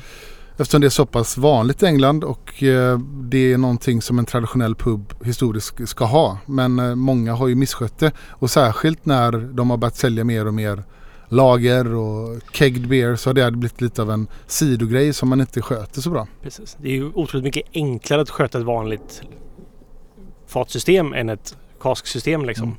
Men ska vi prata om hur kask fungerar? Vad det är liksom i grunden? Då blir det, det finns ju en organisation som heter Camera som är Campaign for Real Ale som eh, startades just när man märkte att traditionell brittisk öl var svårare att få tag på. Och, och den här typen av cask condition ale blev utkonkurrerat av lageröl, Stella Artois, även de brittiska alebryggerierna konsolid- konsoliderades, eh, blev nationella, man började ta in keggprodukter, alltså vanliga fatprodukter på eh, 70-talet. Eh, ölen blev kallare, smak, mer smaklös tyckte de. Så att då var det en så här, det var motreaktion mot det, en konsumentorganisation som startade. Och de har ju då definierat vad eh, cask conditioned är. Jag tänkte att vi ska, för vi fick lite frågor på ölpölinggruppen också om detta så jag tror det är viktigt att reda ut det. Så jag läser lite till här. För det finns ju massa olika begrepp då som ni har hört eller som cirkulerar. Real ale har man ibland. Cask condition beer. Bottle condition beer. Live beer. Det är lite olika ord. Traditional beer. Alltså det finns lite olika namn för Ja, det. ja. Då säger Cam, tidigare hade Cameron en definition för något som de kallar för real ale. Man kan säga att real ale är ett paraply för allt det här. För under real ale, där kan eh, flaskor passa och där kan kask passa. Så real ale är ett paraplynamn. Det är också att sätta sig på en ganska hög häst och kalla det för real ale. För då Ja. säger man att alla annan är falsk. Det är en väldigt bra observation Martin, för nu Mm. börjar de tona ner det begreppet. Jag kommer snart Jaha, komma till det. Men, men från början och, och fortfarande är real ale ett liksom väl använt begrepp då. Då säger de så här, tidigare definition. Beer brewed from traditional ingredients matured by secondary fermentation in the container from which it is dispensed and served without the use of extraneous carbon di- dioxide. Alltså ganska, ty- ganska, ganska tydlig. En del som är tydlig det här och en otydlig del. Den, den tydliga delen är så här. Det är ett öl som ligger som FDS, sekundärjäser på en Mm. andra förpackning. Ja. eh, där, och i den förpackningen ska ölet också serveras utan att använda sig av kolsyra. Så det är två, två bitar. Sekundärjäsning Mm. och eh, inte använda kolsyra för att driva ut ölet och inte Mm. tillsätta kolsyra. Det, här låter spännande för vad, vad är fördelen med en sekundärjäsning kan jag ju fundera på. Ja, Vad säger du Mm, Olle? Den är, om, jag tror att det här har varit en praktisk... Att det här tekniken att servera öl har kommit av, av inte av eh, att man tyckte att det här var det bästa sättet att göra det på utan att det var en praktisk förklaring till varför det börjat. Mm. Och jag tänker ju att det är i och med att i England så har man ju freehouses och så har man pubbar som är ägda av eh, bryggerierna. Freehouses är då inte ägda av ett bryggeri utan de kan servera vad de själva vill. Och i och med att då ett, ett bryggeri äger, om det är ett stort bryggeri så äger de hundratals pubbar liksom. Och eh, i sin region och eh, om man då, alltså jag har tre veckor på tank på mitt bryggeri. Eh, ska jag brygga mer så kan jag ju korta ner den tiden och utnyttja tankarna mycket, mycket mer och brygga mer öl på ett år. Så om man då kan kegga väldigt tidigt, Mm. alltså när ölen är fortfarande lite grön helt enkelt och den har socker kvar eller om man bara gör att man tillsätter lite socker under själva keggningen och får iväg ölen till eh, krogen då som man också äger så att den inte står och tar plats på bryggeriet Mm. så är det väldigt effektivt sätt att utnyttja en, ett bryggeri helt enkelt. Mm. Och, och förr var det precis så som du säger att en stor del av eh, conditioning, alltså att, att, att pubbarna fick ju ölet väldigt, väldigt tidigt. Mm. Så tidigt får de ju inte riktigt längre de Nej. flesta. Inte. Men så var det ju förr. Så Olle har helt rätt där. Men det finns också en annan dimension av det här att det här är faktiskt det varför detta har blivit så, varför engelsmännen älskar det så mycket. För att det är ju kärnan i brittisk kultur. Därför att innan, var- innan det ens fanns flaska, innan det fanns stålfat, då låg ju öl på träfat. Mm. och det serverades som träfat. Och ett sätt att få kolsyra i träfat det är ju att slänga i eh, öl som fortfarande jäser, stänga till fatet. Så bildas kolsyra. Så det, det, är ju det, enda, det var det enda sättet att, att egentligen dricka öl förr. Mm. Så det är ju egentligen en helt naturlig Ja. så här historiskt sätt att eh, dricka öl eller servera öl på. Sen så finns det ju då lite fördelar med detta. Det talas ju om att det finns någonting som att gästen kommer vara lite stressad när den ligger på ett fat och så bildar den här kolsyran och engelsk gäst kan faktiskt bilda ganska fruktiga och trevliga toner av detta som gör att det blir en annan smak på det jämfört om man skulle gjort det på Aha, tank och Det är sådär. ju spännande. Ja. Så det blir ju ett unikt det blir ett unikt tillvägagångssätt som gör någonting för ölen i slutändan. Liksom. Precis, det, gör, det skapar någon väldigt speciell karaktär. Precis, och Patrik Holmqvist i vår grupp, Ölpennegruppen, han skrev ju också att ur hans tolkning är mer att, att det, det som är unikiteten är sekundärjäsningen eller efterjäsningen under, eh, under ett ganska närings, eh, under näringsbrist. Det finns inte så mycket att knapra på eh, för den här gästen och ett lågt pH. Det skapar en karaktär som är liksom unik. Då. Plus att den jäser också då lite under tryck. Vilket Precis. engelsk jäst traditionellt sett. Man har ju öppna jäskar och sådana saker i England. Att det är väldigt ganska grunda kar om jämför med eh, vad vi använder som ståltankar då, som ofta har ganska mycket höjd. Så det blir ju statiskt tryck av det. Så engelsk jäst mår ju bra av att inte ha något tryck alls. Och Ja. här då så hamnar de under en trycksatt miljö liksom och jäser där. Precis. Och vad engelsmännen själva lyfter fram, ja, men det bildas som de tycker, det, vad som händer, varför det här är så bra. Det bildas en naturlig kolsyra som de eh, menar att de uppskattar. De, det rundar av, ölet rundas av under sekundärjäsningen. En del så gröna toner försvinner för som Olle sa, det är väldigt färsk öl. Mm. Det kommer eh, liksom kan ju läggas på kask en vecka efter det har bryggts i princip på bryggeriet. Så man skjuter ju ut den. Vi har ju en två veckors period sen när ölen får liksom mogna på ett ståltank hos oss. Det skjuter man ju ut då till att göra på krogar istället nästan. Precis. Just det. Eh, ja, malt och humle kommer samman. Man pratar om att uh, gästen uh, metaboliserar diacetyl i fatet. Det blir en leva, mer levande känsla till ölet. Så därför det kallas Tyvärr ibland så skapar den också diacetyl Ja, i fatet. För mycket. Och den här andra delen då att man, inte, att man ska servera direkt från fatet. Att man inte får köra via... Eh, Så att det bara Ja. rinner i fatet. Ja. det är också okej ur uh, kamera att det, Mm. att det är själv, självfallet. Så att Mm. säga. Men vi ska inte, det här är också någonting som kom upp i den här diskussionen. Mm. Det här är inte samma sak som uh, självrunnet eh, lager som typ som franciskaner har i Stockholm. Mm. För jag pratade lite, eller mejlade lite med Stene. Han, har ju, han tar ju fram eh, lageröl och så slår han in en kran och så ställs det upp och dricks upp. Det är inte riktigt samma sak för det ölet har inte efterjäst på de här faten. Nej, okej. Det är tappat från bryggeriet när ölet är, är färdigt så att säga.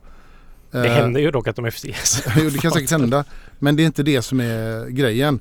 Plus att eh, Stene menar med att det, det dricks upp på en dag på hans krog. Han vill inte ha det här dag två. Nej. Dels så står det ju varmt. Det blir varmt eh, och när det värms upp så kraftigt och det, så försvinner kolsyra också jäkligt snabbt ur ölet. Mm. Så det är... Det, det, det, Jag skulle mer se den tyska alltså självbrunna traditionen är ju mer som att man, det är någonting man har på bryggerierna liksom att man eh, Ja, man tar det från en, eh, det är som att man bara så här, det är ett stort uppsamlingskärl för att kunna servera väldigt färsk öl från en jästank. Bara som en så här, ja, Aha. vi ställer Ja. fram en vattenkaraff fast Mm. det är liksom en lite mer, alltså, jag ska inte säga att det är så, men att det är lite mer så än till exempel Real Ale som är eller kask. Ja men precis. Men Så om man tar den här definitionen som vi läste, så står det att det fanns en otydlig del i den här gamla definitionen. Det var ju det här traditional ingredients. Det är ju liksom, vad är det? Och det här har ju skapat väldigt mycket debatt på, på, eh, inom Camera. Därför har de tagit bort det nu lite grann. De har tonat ner det. Därför att då man får tänka så här, varför var det viktigt på 70-talet när Camera bildades? Därför att det som, de, det som den traditionella brittiska ölen hotades av det var ju importerad lageröl, billig lageröl som de tyckte var råfruktsöl, kassöl med massa som de då fick, fick ett dåligt rykte. Det behöver inte, saker, behöver inte stämma men det var, så här, ah, det var tillsatser, det var onaturlig kolsyra, det var gjort på rå- skitråvaror och Precis. sådär. Det blir ju nästan lite smutskastningskampanj. eh, Så det var ju smutskastning. Så att, och sen har ju så här, kan, sen kan man bara säga så här, det minns jag, för jag var, jag var medlem i Camera för förr och tyckte det, det var en rolig grej. Men så jag, jag, sen blev jag så här lite irriterad på deras extremt eh, ja, men de är ba, det handlar ju bara om det här sättet att servera öl. Sen så kan de ha sen är inget som helst problem att färga öl med sockerkulör och sådär. Det var helt oviktigt för dem. Det kan man gärna göra. Men det viktiga är bara hur du serverar det. Det tyckte jag var lite så här konstigt sätt att se på. Ja, och jag fick lite känslan att de valde fel fighter ganska det är de. ofta. Att det var som att så här... Det var lite så här, de var väldigt insnöade på vissa saker och förstod inte riktigt för deras egnas bästa när de skulle liksom ta en fight för någonting och pusha på rätt saker. Nej men precis. Jag tänkte gå igenom några sådana fighter de varit involverade i och frågor alldeles strax då. Eh, ja, så att nu har Kamera gjort om lite grann sin definition av det. Nu kallar de det, det här paraplyet kallar de nu lite mer live beer. Mm. Oh. Ja. Och jag läser till hur de definierar det här då. Eh,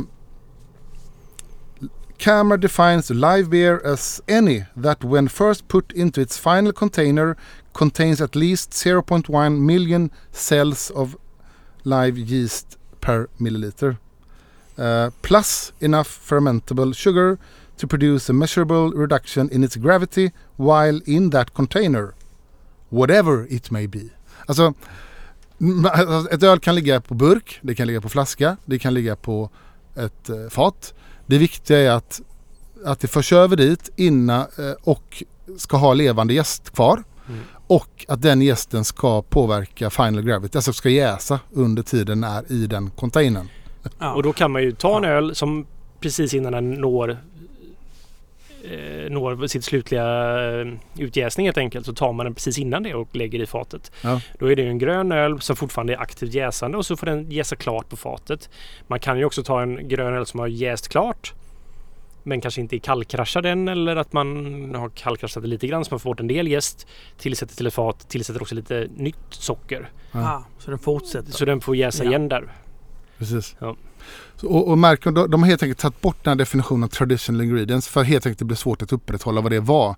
Plus att eh, de under de här sina festivaler så utses ju eh, be, vad heter det? Be, Beer of the year eller vad de kallar årets bästa öl. Och då har ju de senaste år har ju vunnit en del så här från nya craft beer bryggerier som kan vara det kan vara liksom kaffe i eller eh, sånt, vanilj i och sånt. Så de har varit tvungna att moderniseras lite liksom.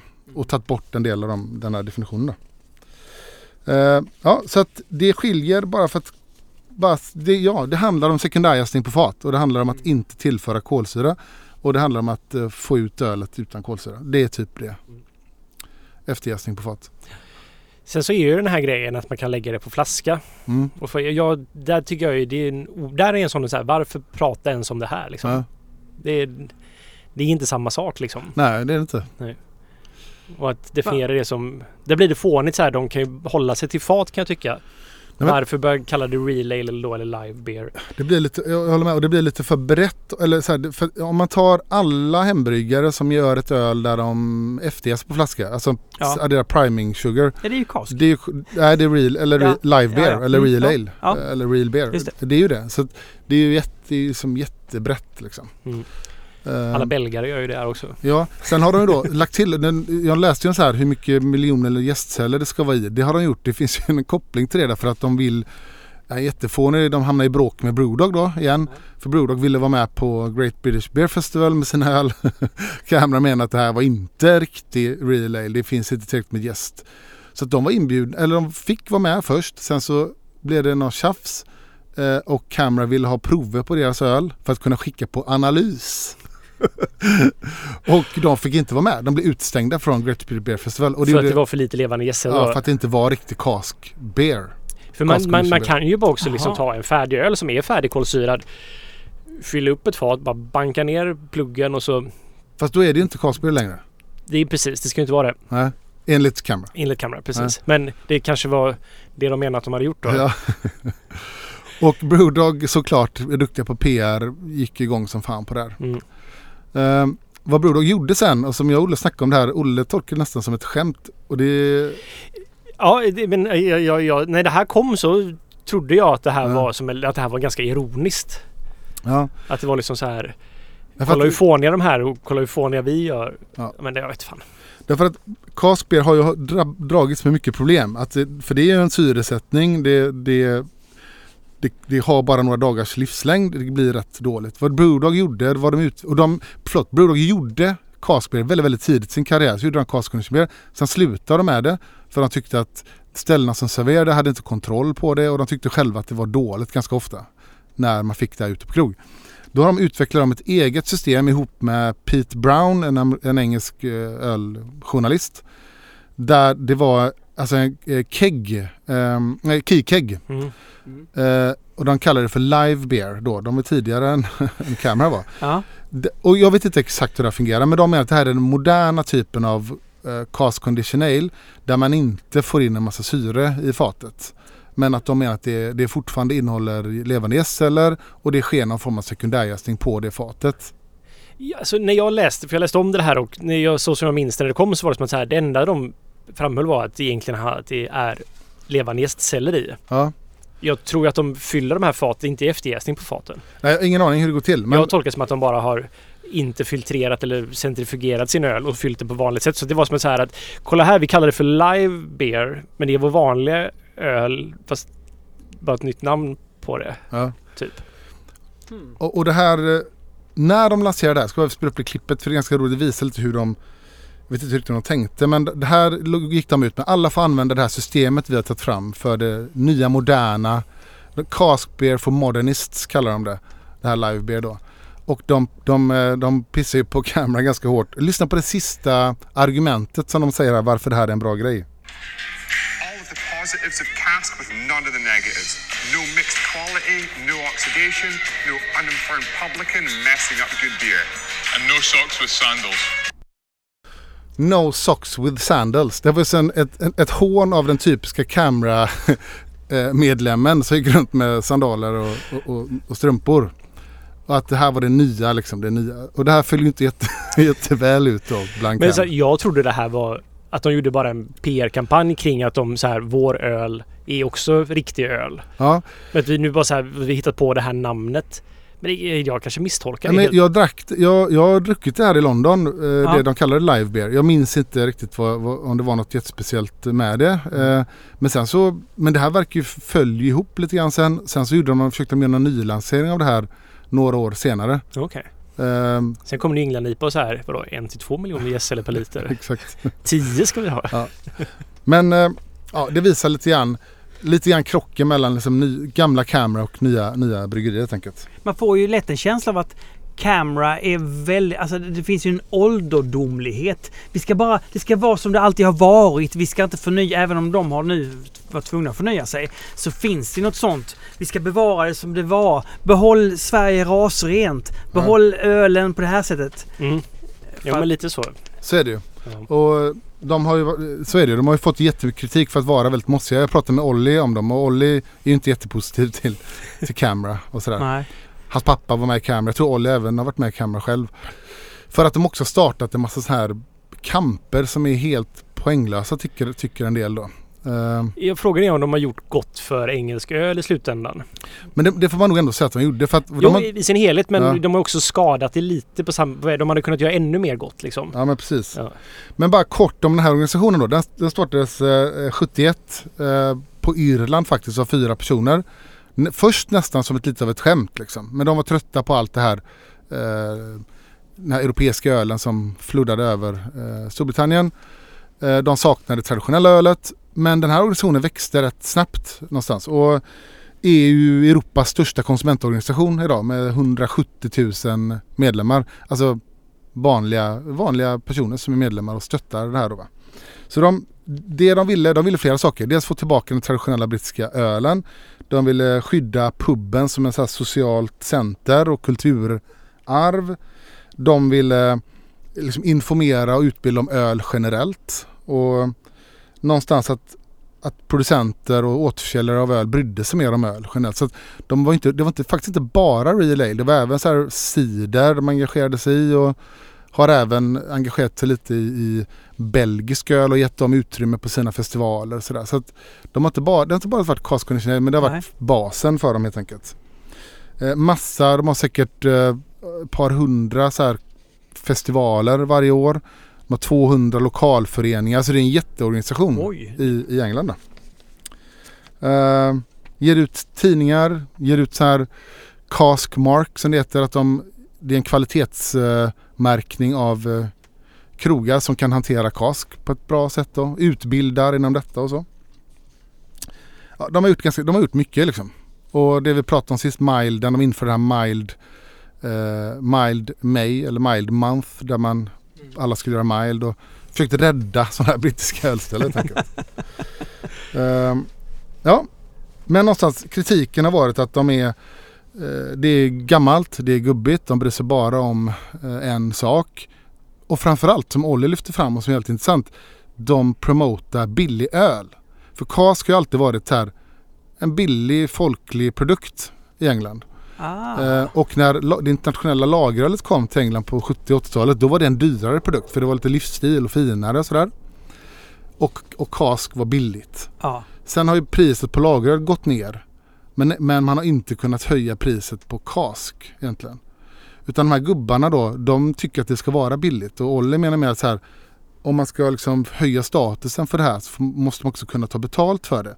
Vilket gör att de nya brittiska hantverksbryggerierna de, de satsar ju på eh, kegg, alltså ja, Ja, fat. fatöl, det som ni gör. Ja. Eh, för att man kan ta mer betalt för det. Det är ganska stor skillnad. Det, det är typ i snitt en och en halv pund per pint eh, skillnad i pris. Eh, har de här organisationerna som... Och det får ju också hänga med marknaden lite grann bara. Det är ju Ja. för bryggerier kanske mer arbetsintensivt att lägga på kask än vad det faktiskt är på kegg idag.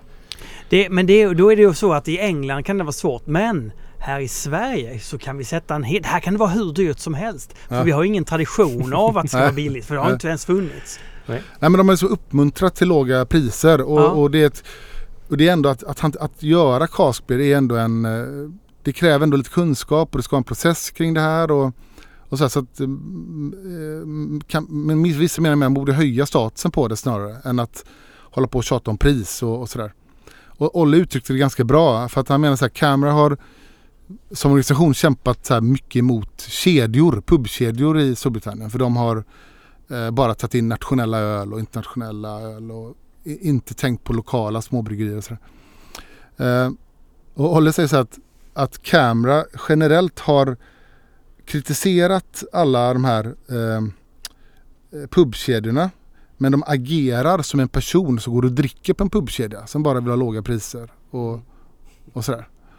Så att han var väldigt så här, eh, kritisk till det då. Och sen har de bråkat om massa sjuka grejer som man kan tycka så, så här innovationer som har kommit inom eh, cask beer. Och vi, Ja.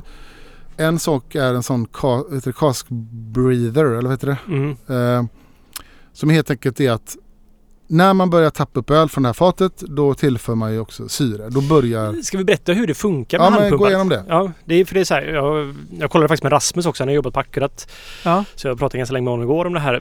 Det är ju... eh, Principen är att du har ju ett... Du får ju ett fat till bryggeriet som är... Har ju då... Eller jäser kanske aktivt till och med, liksom när du väl får det. I Sverige får man ofta att man har redan jäst. Eh, och då är det ju jäst i suspension och det vill man ju att den ska liksom ja, den ska läggas i botten av fatet och man ska inte servera det helt enkelt.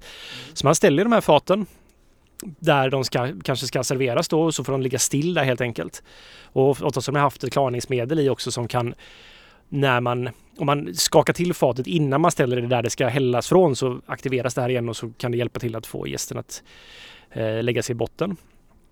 Men då får man ju också så här, eh, i och med att det kanske är lite väl högt tryck i den så har man olika på toppen finns det ett ställe där man kan slå i då träpluggar som Släpper kan, ut. släpper ut då så det finns liksom olika träpluggar med olika eh, på, eh, ja, Porös. porositet liksom. Som släpper ut olika mycket då så att man får göra det några dagar innan man ska börja servera fatet. Och det är ju den här hanteringen då, att veta när de är redo och liksom allt så här. Så då börjar man slå i det här och sen släpper ut lite kolsyra helt enkelt. Sen när man väl ska börja servera fatet, då öppnar man ju den här helt och hållet. För det som händer är att när man har då serverat kask så använder man handpumpar. Om man inte då häller direkt från sidan på fatet direkt Mm. ner i ett glas.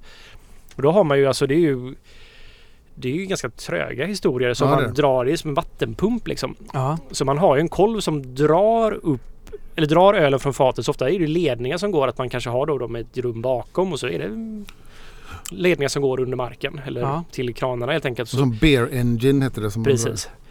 Så då, man pumpar helt enkelt fram ölen och då kan det inte vara Det, alltså, då måste det komma in någonting som ersätter ölen i fatet. Ja.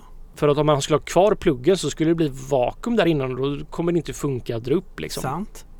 Och i och med att man bara öppnat upp där så Ja. är det ju syre som kommer in i fatet. Ja. Ja, för i och med att man inte då använder ett tryck från kolsyra som man gör med vanliga fat där det finns ett övertryck i fatet. Alltså syre är så skadligt va? Det är Lämna inte osten framme säger jag Nej. bara. Det är alltså... Så det är ju det här att man behöver servera ett fat ganska snabbt. Helt Ja. enkelt för innan det blir dåligt. Och då var min första upplevelse var att jag kom ju tillbaks till Rover så var det här samma fat som var påkopplat och helt förstört. Det smakar ju vinäger för mig liksom. Ja. ja, ja. Ja. Nej men eh, så då har man ju gjort innovationer för att inte då, alltså man vill inte använda tryck för att trycka ut ölen till kranen. Det blir ett vanligt fatsystem. För den här hanteringen på vägen upp där gör ju att ölen öppnar upp sig ganska. Det är ju lite som, vad heter han? Messiah Marcolin. Ja, det. Hans Ja. metod att skaka ölen. Det är också för att öppna upp den innan. Ah. Så att det händer ju en del med den här serveringssättet då liksom. Plus då att när den är, alltså kolsyran har ju börjat släppa och den kommer ju släppa ut kolsyra till atmosfären helt enkelt när fatet Ja. är öppet. Så att man förlorar ju kolsyra under tiden det är öppet. Sen så som Rasmus sa att på nätterna har de inte sålt ett fat så täpper de ju till det. Ja. Och så öppnar de upp det dagen efter. Och så. Men man ska ju servera det så snabbt som möjligt. Det är då så, det, det har kommit alltså eh, utvecklingsgrejer som gör att man kan... Alltså en ventil En som... ventil ja. Så som det som en, ersätter ja, det blir luft. som en backventil helt enkelt. Att man kopplar den till toppen Ja. av fatet där det annars då suger in luft som när någon drar så känner den att okej nu blir det undertryck här. Nu Mm. släpper jag på då från min ventil och då är det ju kolsyra som kommer in där. Det förstör ju egentligen ingenting. Det gör ju bara att den håller lite längre. Ja. Men Så- då säger Camera. Nej, men då, det här var en jättediskussion. Så ka- från början var det här band på Ah. kamera. Det här, det här var inte okej. liksom. Eh, vilket är helt sjukt för vad den egentligen gjorde. Som Olle sa, den ersätter ju bara luft med, med kolsyra. Den trycker inte in kolsyra i ölet och den drar inte ut, den trycker inte ut ölet. Nej. Så den var ju bara där som ett skydd. Men, men det här, vilket gör att eh, ett öl håll, istället för att hålla liksom, upp till fem dagar så kan det hålla i 20 dagar. Mm. Så det blir en lång hållbarhet. Eh, Men jag tänker då att så här Det här är ju positivt för det borde ju göra då att många kanske är skraja för att de vet, eller vill inte börja med eh, kask eller för att Mm. vi- shit, om vi inte säljer slut den här så måste vi kassera kassöl liksom. Mm.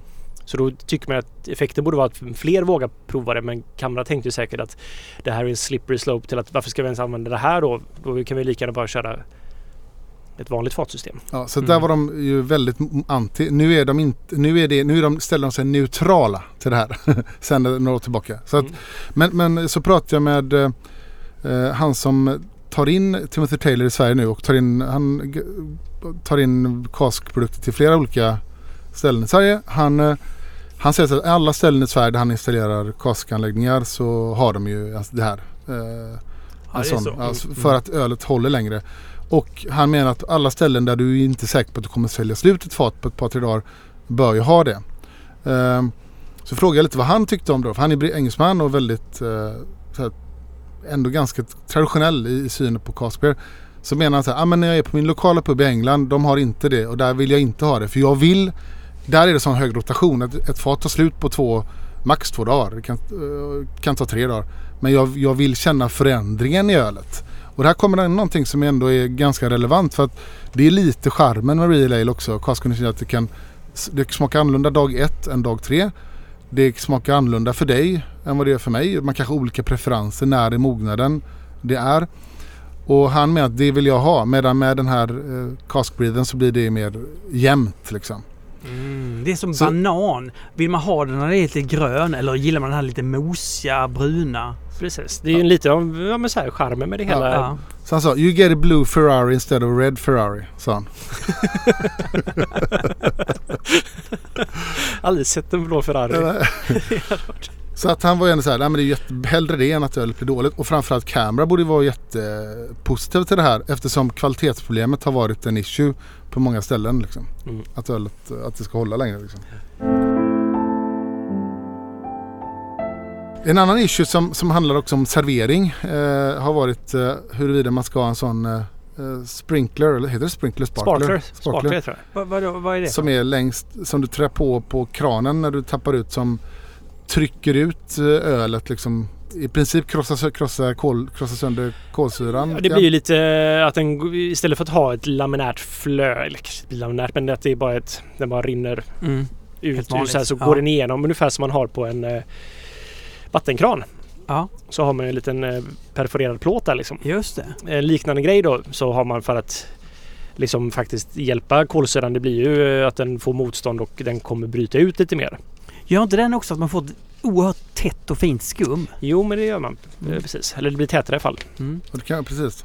Och här, jag har inte så jävla bra koll på det. Det enda jag har fattat är att norra England gillar sparklers, södra England gillar inte sparklers och att typ norra England tycker att södra England dricker Ja. alltså väldigt tråkig och icke smakfull öl och eh, södra England tycker att norrmännen är eller de, de i norr är eh, Ja.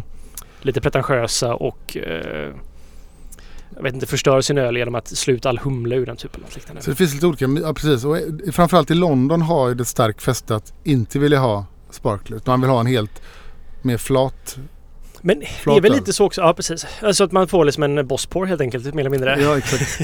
Och det är väl också så här att um, jag har hört någon säga att de är lite snåla så de vill ha hela vägen upp liksom. För Ja. de känner sig snuvade då på den här biten skum liksom. Ja, men det pratar också Olli om, om väldigt en äcklig grej som också ko- kopplas till Cam- Det finns ju två äckliga saker. Men dels det här att han menar de här kameragubbarna är, de är prismedvetna, det ska vara billigt och sen snåla. Eh, så att de får sin pint. Eh, så de beställer en pint, får den. Så vill de ju smaka att det här känns okej. För det första ska ölet vara klart. För traditionellt ska det ska inte vara grumligt. Nej. Då skickar man tillbaka den. Det är Ja. motsatsen mot Sverige. Ja. Får man det klar eller här så skickar man tillbaka den. Ska. Nej men eh, traditionellt så är det så. Den ska vara klar för det visar att den har, finingen har jobbat i fatet. Den är klar. Ehm, och så smakar de en sipp. Och sen så ger de tillbaka glaset och säger top it up. Vilket de då stoppar ner den här kranen ner i ölet igen och trycker i. För att ofta har du den här kran, du har den ner i botten på Mm. glaset. Aha. Precis, så det är, som, det är som svannacke på den liksom. Så, Så den går ju att, eh, hela vägen ner. Så för att då skapar ju också ölen i sig skapar ju lite mottryck när man häller upp det också. Och man vill inte ha då en skumkrona på till exempel. Så lite ohygieniskt då att folk ska bara dricka sin öl och sen hä- hälla upp i samma container. samma grej gäller de här autovac-systemen. Vi pratade lite grann om det sist. Som är, det berättade Olle att det får man inte längre installera. Det är förbjudet att installera men det finns kvar på krogar i England. Den här trayen under som samlar upp öl och Ja. kör ner det tillbaka ner i fatet. Ja, ja, ja. Just det. Så att om du häller och det rinner över kanten, vilket gör om du får en bosspor, så åker det ner i det här uppsamlingsfatet tillbaka ner. Eh, det finns fortfarande.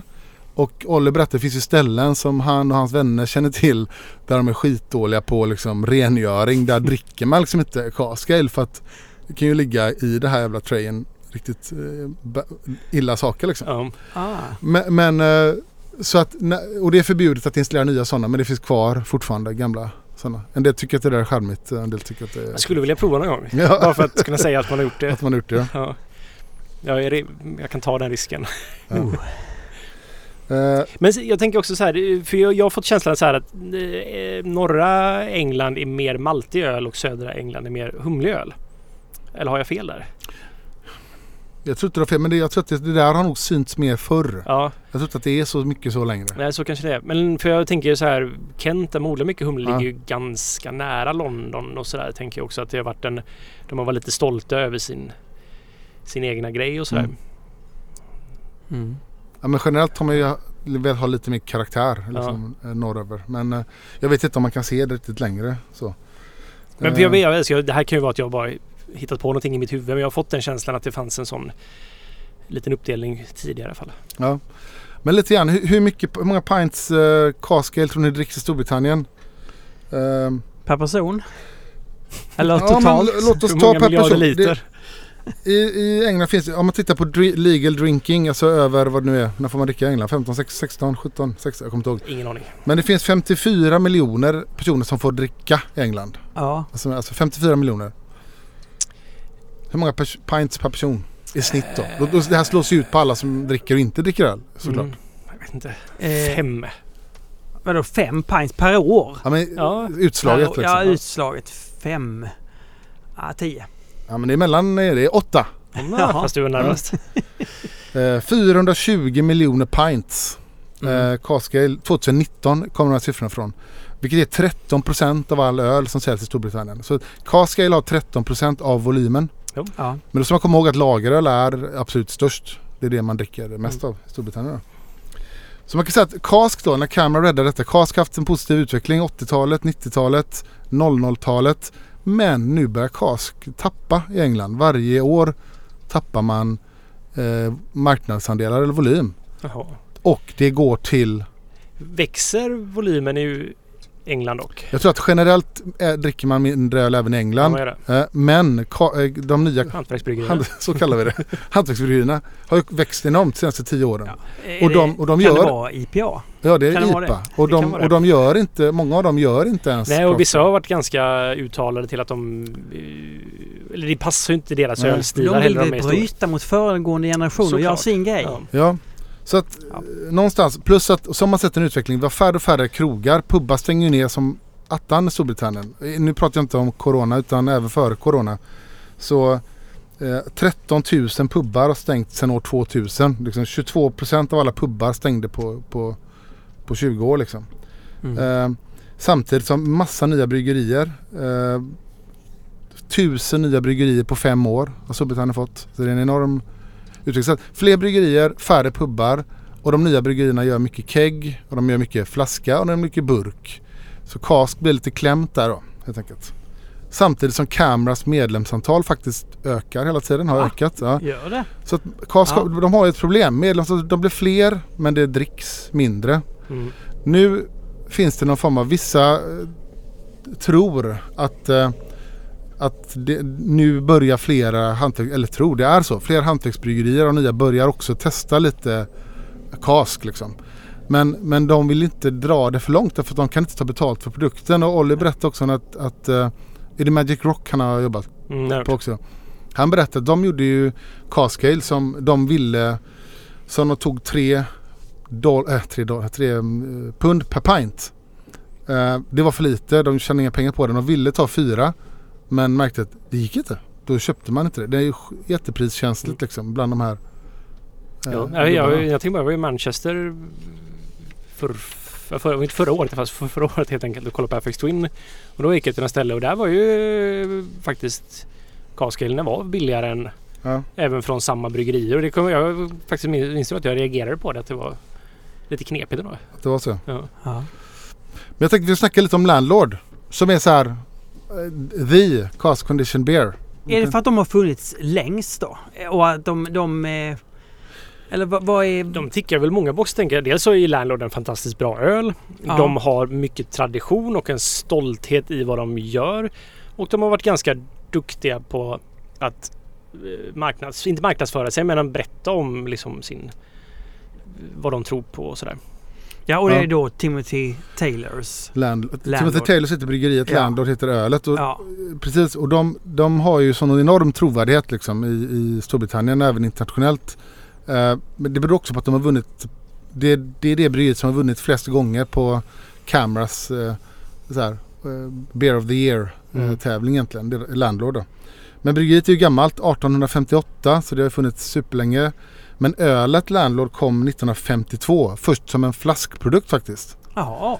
Eh, 1952 och det startade med att eh, man gav ut en ny öl. Den hade inget namn. Man skickade ut den på eh, till puben med en, en blank etikett som man kunde ta av.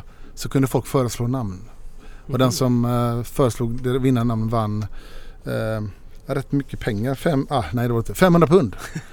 Ja, men 5000 eller 7000 spänn någonting på 50-talet. Det kanske inte var fy skam. Nej. Någon döpte till Landlord, den hette det. Den gick väldigt, väldigt bra. Sen så kom den här perioden på 60 och 70-talet när Cask började försvinna. Det kom mycket keggprodukter. Då ville Timothy Taylor säga men vi måste försvara Casken. Då gjorde man en Cask-version av Landlord som gick väldigt bra och den vann på Great British Beer Festival. Och har vunnit fyra gånger som eh, Champion Beer of Britain heter det. Och fått silver eller bronsmedalj fyra år. Så åtta, åtta år har den liksom varit i topp då. På 41 år vilket är helt amazing med tanke på hur mycket öl som, som tävlar där då. Det, ja. Men jag tänkte så här, vi går igenom lite så får Olle säga vad han tänker om för hur det här ölet görs. För jag lyssnade på en podd där man där den här bryggan berättar lite grann om, om principerna bakom Landlord och hur den bryggs. Och eh, den här bryggan som hade jobbat där i 30 år som head brewer, Alan Hay, han blev inbjuden att hålla presentation på en bryggarkonferens liksom, som är Lay down the principles for landlord. Och då, då hade han sju stycken punkter först på första sidan. Som var no, no, no, no, no, no, no. och så gick han igenom varje no. och, eh, och förklarade dem då. Det var så här, no adjuncts, no enzymes, no hop pellets, no hop extracts, no centrifugation, no filtration, no heading compounds, no carbon dioxide. Alltså det var principen för att brygga Landlord då. Och sen så, ja, berättar lite grann. Det är Golden Promise som basmalt. Mm, bra val. Det kör jag också som basmalt. Ja. Eh, jag tror vi använder Simpsons båda två faktiskt. Ja. Eh, det är en väldigt, jag gillar den. Den är jag skulle inte brygga en pilsner med den kanske, men som en eh, ale-basmalt så tycker jag att det är jättebra. Lite kakig, eh, lättarbetad och eh, ja, men ger en eh, angenäm smak som är lite, lite mer än vad lite mer eh, kontinental malt brukar vara. Just det. Men eh, det är ju en egen, det är ett eget kornslag då, Golden Promise. Som jag tror, det var ju så här, det är ju framtaget ganska sent egentligen på 50-talet. Genom att man sprutade typ så här radioaktivt på det så att det muterade eller något liknande. Jag kommer inte ihåg, jag hörde den här historien från eh, bryggmästaren på Simpsons faktiskt. Ja. Eh, Det lät väldigt... Nej men och, eh, så det är ett väldigt bra basmalt faktiskt till en ljus eh, brittisk ale. Mm. Jag föredrar den framför Mary Sotter Okej. som jag kan tycka eh, blir lite... Den är mer neutral skulle jag säga helt enkelt. Eh, Mary Sotter? Nej, Eller Golden Promise faktiskt, förstår. ja. Mm. Eh, sen bara, ni hörde det där på No, no Hop Pellets, alltså Mm. bara kottar. Ja, Och han hävdade att, de hävdade att, eh, de, att brittisk humle försvinner mycket arom i pelleteringen. ja och det, det, här, det, det är både sant och inte sant skulle jag väl säga. För att så som min uppfattning kring det här, jag säger inte att det här är helt exakt hur det egentligen varit men eh, pellets i England har inte behandlats sådär jätteväl. Det har varit samma i Tyskland ganska mycket att man Alltså att kottarna då det är ju bara så här man torkar dem och så är de ganska man behandlar dem inte så mycket mer än att man bara får ut, eh, driver ut vätskan ur dem. Och då bevaras ju mycket aromerna och sen så när man väl då ska pelletera kottar genom att man, det är ju en hammermill det är ganska vanligt att man liksom bara slår sönder och sen så trycker man ihop det och om det här görs på ett inte skonsamt sätt så förlorar man ju väldigt mycket arom i det och jag tror det varit så här lite grann att i USA, eller sagt så här, pellets blev ju för de stora bryggerierna vill ju bara ha alfasyror egentligen. Mm. Så de vill ju bara ha beska så de bryr sig ju inte ett skit för de kokar ju skiten ur ölen för att Mm. få så mycket alfa, så lite humle ska ge så mycket beska som möjligt. Så de brydde sig inte om kvaliteten så pellets blev ju då för de stora företagen. Och det fanns ingenting som drev på utvecklingen av pelleteringsanläggningarna att de skulle behandla kottarna bättre då så att bevara aromen. Men något annat hände i USA där man när hantverksölsrevolutionen hamnade där att pelleteringen var säkert för stora bryggerierna där också men man insåg att shit vi har ju ändå spännande humlesorter här. Och då blev det väl mer press på att det fanns mer mikrobryggerier som ville ha eh, pelleterat men de ville ha samma Med bra kvalitet. med bra kvalitet. Så att jag tror utvecklingen drevs på där och man utvecklade de här eh, sättet att pelletera på och torkningen och allting där. Vilket gjorde att England och Tyskland hamnade ganska mycket efter. Så han har rätt i att ja, alltså pelleterad traditionellt sett i England var nog sämre, Sämre. än vad kottarna var.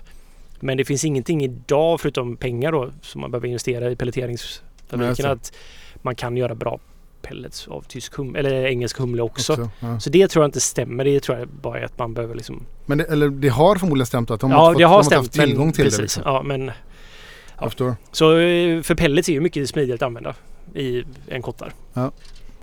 Grymt. De har eget vatten. De provade att brygga på en annan plats. Det blev inte alls bra. Uh, vattenkvaliteten är ju viktig. Vatten, det är den. Eh, Det kan jag inte säga någonting emot. Man kan ju efterlikna vatten ganska enkelt men eh, Ja, det är, det är klurigt i det. Det är Ja. kemi på hög nivå. Vigorous Boil, 14% evaporation. Ja, det är ju jävlar. Det är mycket... Bortkok. Det är jättemycket bortkok skulle jag säga. Eh, vi ligger på 4% kanske någonstans där. Mm. Och då får ju det mig att tro att de kanske inte använder eh, ånga utan de använder någon ännu varmare värmekälla som gör att det blir ett väldigt aggressivt kok och då får man ju en utveckling av malten och en avkokningen gör ju att det koncentreras och jag hävdar, det är många som hävdar tvärtom att av, eller så här, värmekälla spelar ingen roll. Desto varmare värmekälla du har för ånga blir bara 130 grader medan värmeelement eller gas då till exempel som man eldar under då blir det mycket varmare, 600-700 grader. Eller ja, men då får man en annan karaktär på ölen. Ja, jag säger att det är så. Det finns de som säger emot mig och ja, ja. det kan man debattera om. Men eh, det tyder ju då på, för att det finns ju en väldigt rik smak i Landlord. Det är ju en väldigt simpelt recept när jag har sett det. Mm. Och det är som att så här, bortkoket förklarar lite av det. Ja, okej. Kan jag faktiskt ändå tycka. Intressant. Ja.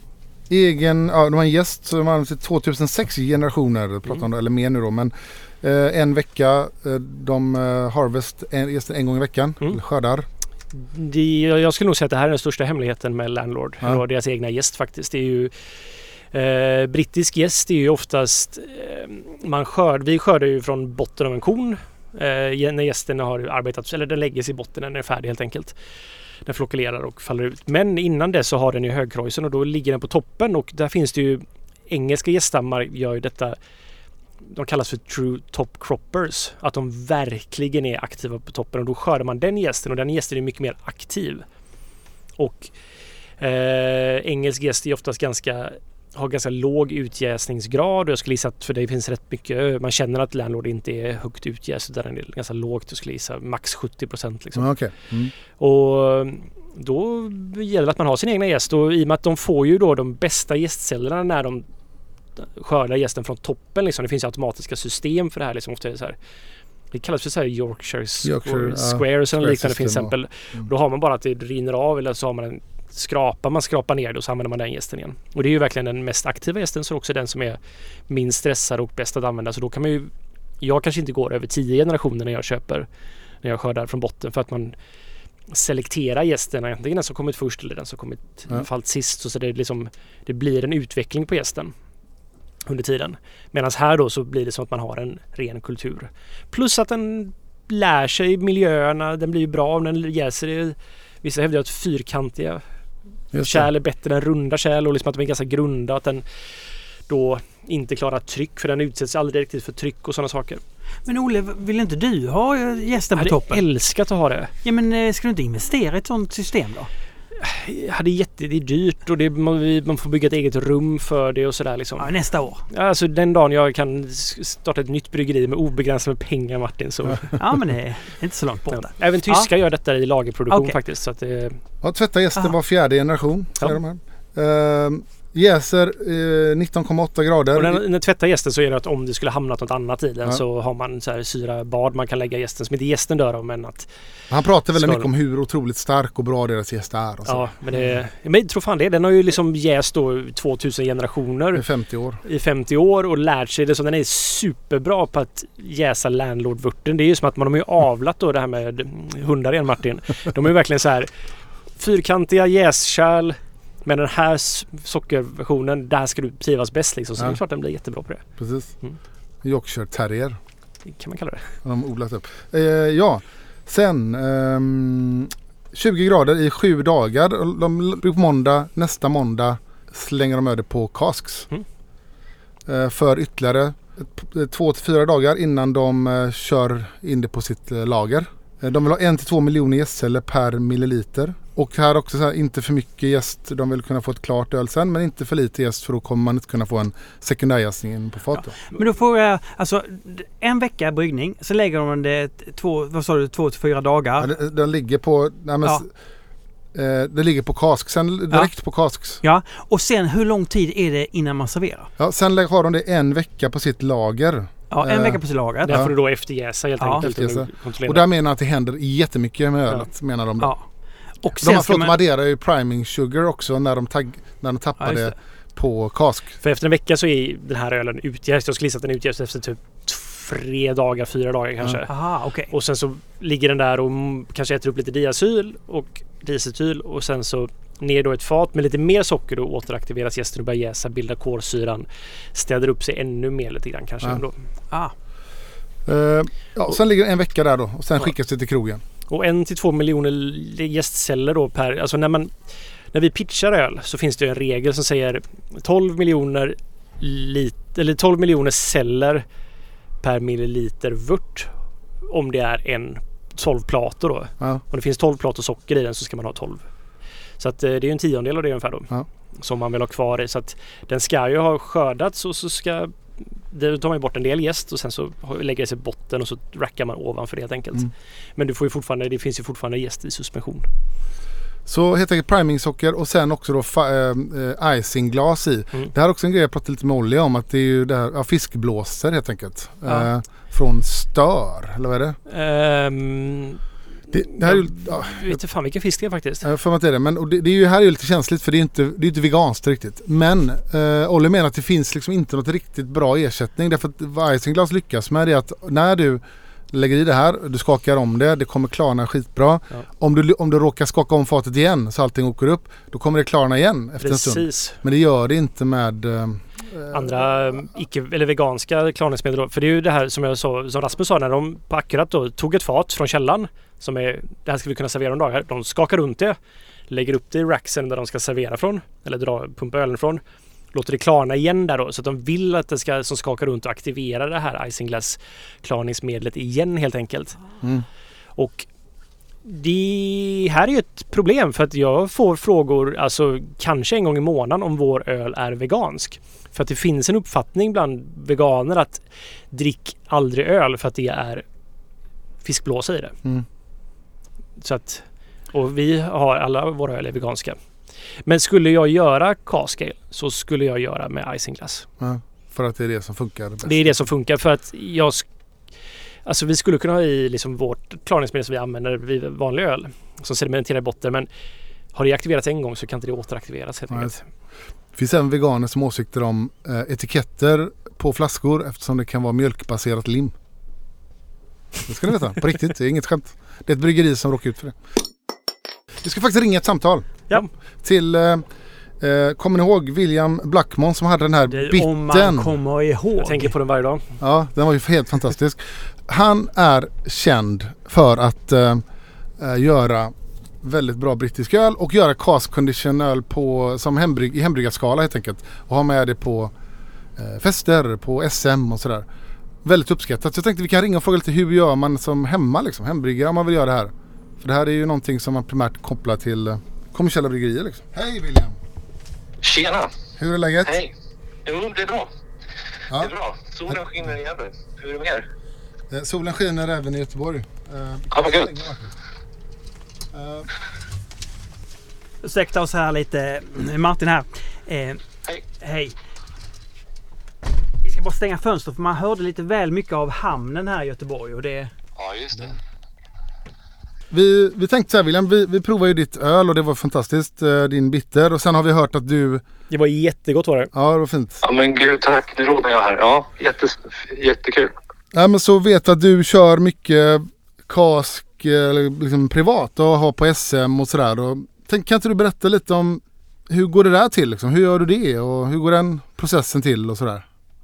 Um, ja, jag, jag började brygga på att liksom göra engelsk öl. Det var hela grejen. Jag försöker återskapa den engelska ölen. Så jag skaffade kask först. Innan jag hade fas så skaffade jag kask.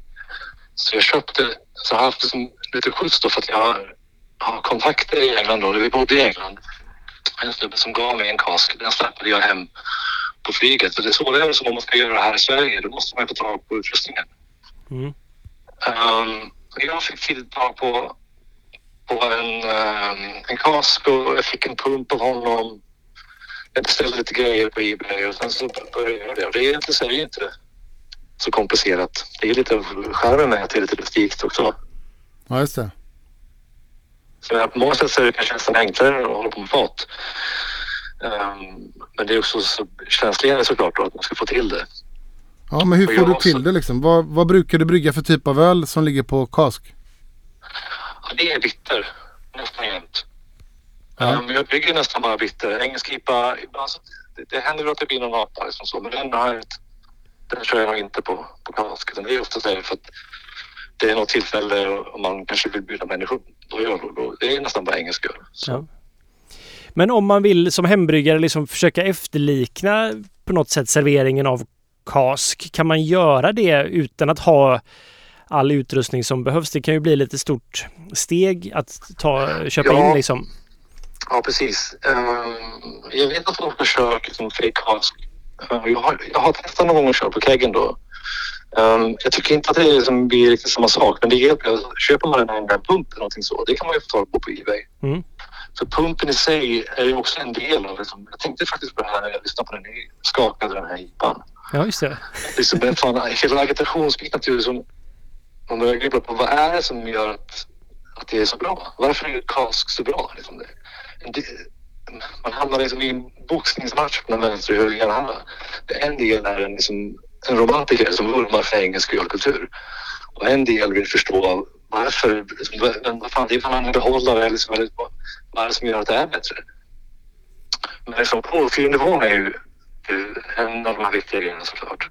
Så jag menar, man kan ju återskapa den kolsyrenivån i sin öl man gör engelsk öl. Så kan man ju skaffa en anganpump bara för att få den här vegetationen när du, när du drar ut ölet. Ja, för det, är ju, det blir ju lite samma effekt som att skaka en burk innan. Den går ju igenom någonting där det faktiskt liksom man luftar ju ölen nästan liksom. Man gör ju att den blir eh, lyft, alltså man, eh, man för ju fram smakerna helt enkelt. Man slår ju ut dem ur vätskan på ett Ja, annat det- sätt. Det känns så. Det känns absolut så. Um, och liksom in i den här cylindern. Där det, är det, det, och sen kan man ju också tänka på att ur en kask så drar man ju ut ölen över jästkakan i botten och det finns ju en, en jästkultur kvar i. Det kan man ju göra i en, i en kegg också. Jag har ofta kört, jag kolsyresätter med att jag, jag rackar över den till, till, till kasken innan den har jäst färdigt. Aha. Så de sista två pinnarna innan ölen har jäst klart, då sätter jag den på kasken så knackar man igen den med, med korkarna. Va, Så va, det, det kan man ju, berätta lite varför du gör det istället för att prima den så att säga. ja, jag bara gör som bryggerierna jag försöker återskapa gör det. Hela grejen, jag har liksom aldrig bryggt någonting annat än de här sorterna. Därför att jag kollar vad de gör och då vill jag göra det också. Um, jag har, känner i England som utanför bryggerier, men de gör så. Ja, men då gör jag så också. Och det är någonting som gör det lite spännande. Jag vet ju inte alltid Nej. Var vi ska stanna. Och speciellt här inför SM. Ja. Så liksom blir man ju nervös.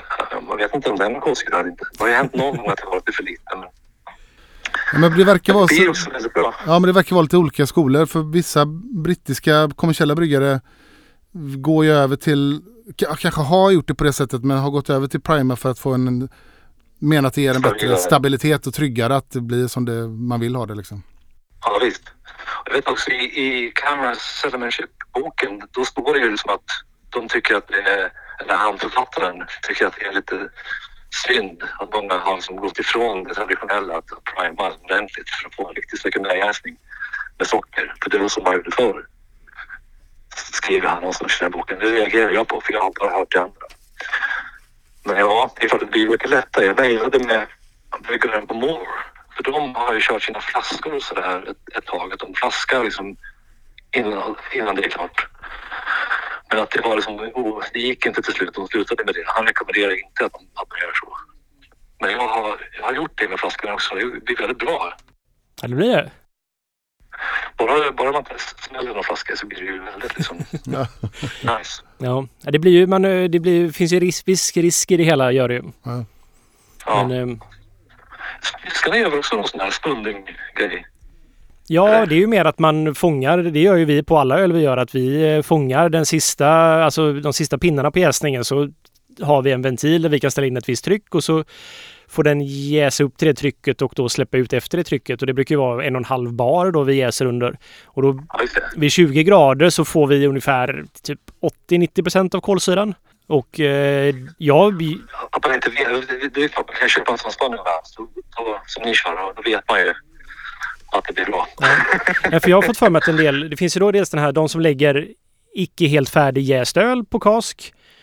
Och sen finns det de som primar med socker då i fat. Och sen finns det Ja, de som precis. har jäst under tryck och lägger då med någon form av mottrycksfyllning då på kask också. Och att det är det kanske nya sättet att göra det som inte är helt okej egentligen. Det är inte kosher. Nej, Nej, precis, men det är väl nästa, för det är ju fortfarande en, det är fortfarande naturliga jäsningen som har skapat den naturliga kolsyran i den helt enkelt då. Ja, det läste jag någonstans om. Ja, precis. Och det- Annars så, man brukar prata om bright beer. Eh, Om det är en festival så Mm, man, de är lite ursäktad. Som det är för ett speciellt tillfälle så kan vi liksom fylla över färdig öl precis. som inte har så mycket jäst. Ja. Det är, ja. Och då blir det ju mer liksom som kanske då den tyska traditionen av självrunna fat egentligen. ja, precis. Ja. Just det. Ja, men hur, vad har du några så här favoriter när det kommer till... Eh, om du är i England och får välja precis vad du vill inom kask, vad dricker du då? Ja, då dricker jag Juli Bitter. Vilken sa du? Juli, det är ett väldigt litet bryggeri. Det, det är där vi bodde då. Så det finns en liten by som heter Juli.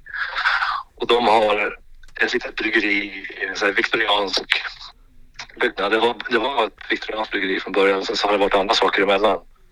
Och har på sedan 80-talet då. Det är väldigt bra, men det finns bara på kask. Eh, Nu tror jag att de säljer på sådana här minikegs också. Ja, Okej. Men liksom det, det förhör ju hela grejen med att man, man kan bara få tag på det där. Så man kan inte dricka det annars då blir det lite... Det, det längtar jag alltid efter. Ja, det är som mig, jag gillar ju Fynes Jarl väldigt mycket. Men den är ju ett skotsk bryggeri, men den kan jag bara dricka i Rom i stort sett. Ja, ja. Vad, vad tänker du för övrigt när du gör bitter bara? Varierar du mycket eller försöker du hela tiden förfina ditt recept så att säga? Um, ja, jag, jag brygger om. Och, um, jag tänker så här, jag har liksom...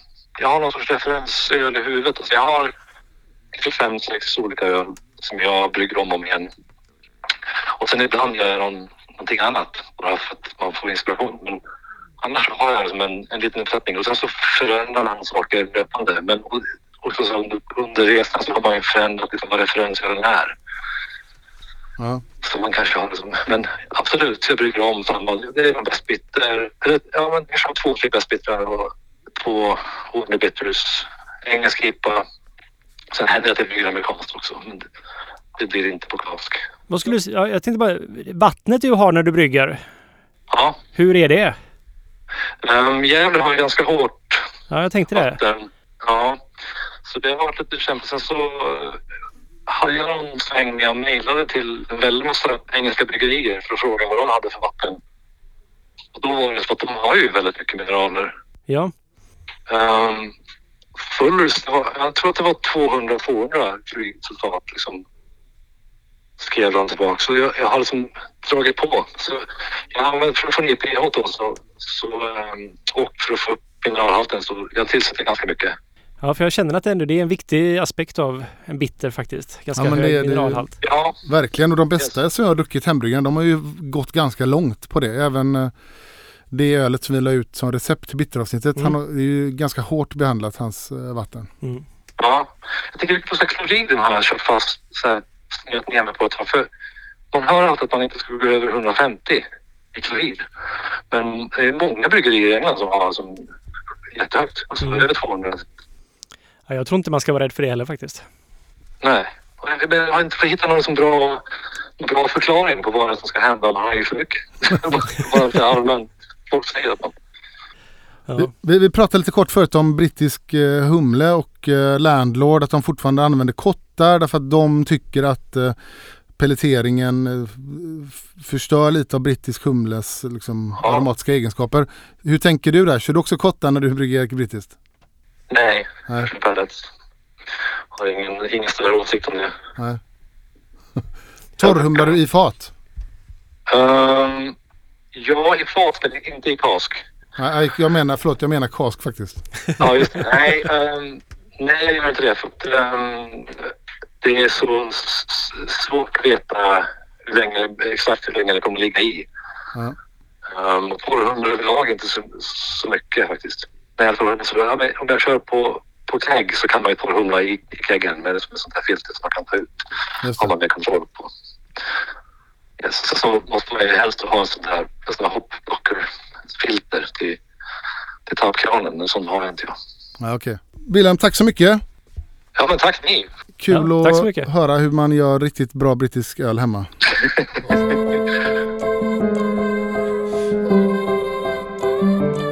När kom Cask till Sverige första gången? För det är faktiskt lite roligt. Inte sant? Ingen aning. Nej, eh, eh, Anders Thol eh, startade ju ett ställe i Stockholm. Som var, han var ju typ Sveriges första ölkrögare. Norra Brunn 1989 startade han och 1990 tog han in eh, Mhm. Cask. För då åkte han till England, till Burton och tittade där och var på krogar och, och blev helt fascinerad av Real Alen som fanns där. Så kom han in på ett ställe där han satte sig och beställde en, en öl som eh, från eh, med Ind, Ind Cooper, eh, Burton, så jag har skrivit upp vad det hette det ölet. Burton Best Bitter. Så var det en kvinna som serverade honom den. Så tittar han på väggen och så ser han att det hänger hundratals slipsar på väggen. Och precis när han ska börja dricka så klipper kvinnan av slipsen på honom. och, och hänger upp den på väggen. Då är det en pub där man inte får ha slips. Det är en sån rolig grej de har. Så man klipper av slipsarna på alla. Apropå det här vi pratade om tidigare med här, eh, bartenders och sånt i, som är lite, har ett lite rufft och roligt sätt liksom. Jo. Då blev han så fascinerad och han tyckte ölet var så gott. Han började prata med den kvinnan. Han eh, ville ha kontakt med exportchefen för det här Eh, ölet då. Och eh, de var väldigt skeptiska att exportera Real Ale. Det hade de aldrig gjort eh, någonsin då. Ehm, eh, men han berättar, men jag har en kyld källare på Norra Brunn. Jag, har, jag kan öl. Jag har till och med dragit liksom, ledningar och sådär. Då efter mycket tjat tyckte de med på det. De skickade över Burton Best Bitter och en tekniker till honom som var där i två dagar, lärde honom och tyckte att ah, men nu verkar han kunna det här och åkte hem. Hans kask då inspirerade ju sen också det som kom att komma på OT och Akkurat och Jugge Jörgen Hasselqvist, Jugge, som startade eh, ett företag som sen blev Ölkusken som importerade brittisk ale och sådär. Så att han var först i Sverige, eh, Anders Thol. Intressant. Mm. Men en grej som jag bara vill tänka att om vi ska runda av som är som här att det som är det viktiga i det här på något sätt det är servering av öl är otroligt viktigt. Mm. Det är tyvärr någonting som har försvunnit ganska mycket. Eh, Vi använder keycakes men keycakesen har på ett sätt gjort det lite för enkelt för barer att ha öl. Och det är jättebra på ett sätt för det gör att vi kan sälja massa öl och vi kan sprida hantverksöl och det blir ett roligare utbud av öl.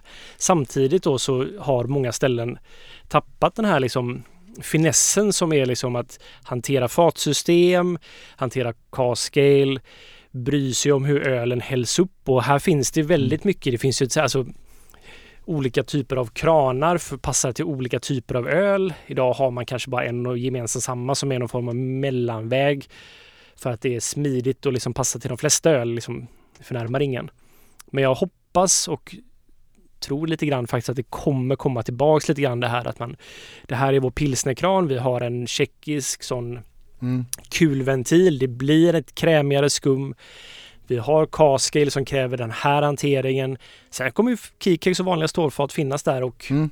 vara Men jag håller med. Det, det adderar någonting också i liksom helhetsupplevelsen av en krog tycker jag. För att om Mm. man går in på en krog i England, där är det så vanligt så kanske inte tänker på det. Men om man tänker när vi går i, Dan- i Köpenhamn och går till Charlies eller man är i Stockholm och går till OT Akkurat. Bara att se den, ofta i Sverige en kyl eftersom man inte har källare här. Eh, och så, bara det, är, det ger mig så här, men här bryr de sig om öl och de har ansträngt sig här. Jag tycker den bilden bara liksom sprider sig på allt de gör. Mm. Att, så att de, de bryr sig om liksom, servering och lägger ner hjärta i det här. Alltså beror det på att jag befinner mig eh, mitt inne i i den här lilla, lilla stormen. Men, men det känns ju som att kaskkranar växer ändå lite, lite, lite i landet. Och, Absolut, den här Jorvik-gubben som jag pratade med, Mm. eh, jag glömde vad han hette nu. Han berättade att det, går ju väldigt bra. Trots pandemi så det ökar ju mer och mer och mer. Det är fler ställen som vill ha kask. Så jag, det kommer nog växa, Mm. absolut. Men var, fortfarande vara en nischgrej såklart. Precis. Och jag hoppas även att det här kommer sprida sig till andra öl för det. De Mm. kräver också hantering på rätt sätt. Ja men precis. Det... Men vad ska vi snacka om nästa gång då?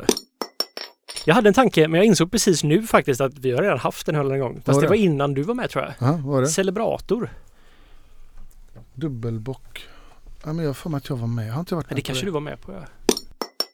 Ja, men vi kan, vi kan bara börja om därifrån så bara tar vi det ett varv, varv till. Det finns ju Norge och Quake också. Ja, det är det. Det finns också, om man inte tar ölstil så kan man prata om öldesign. Vi har inte pratat om blond, har vi inte gått igenom.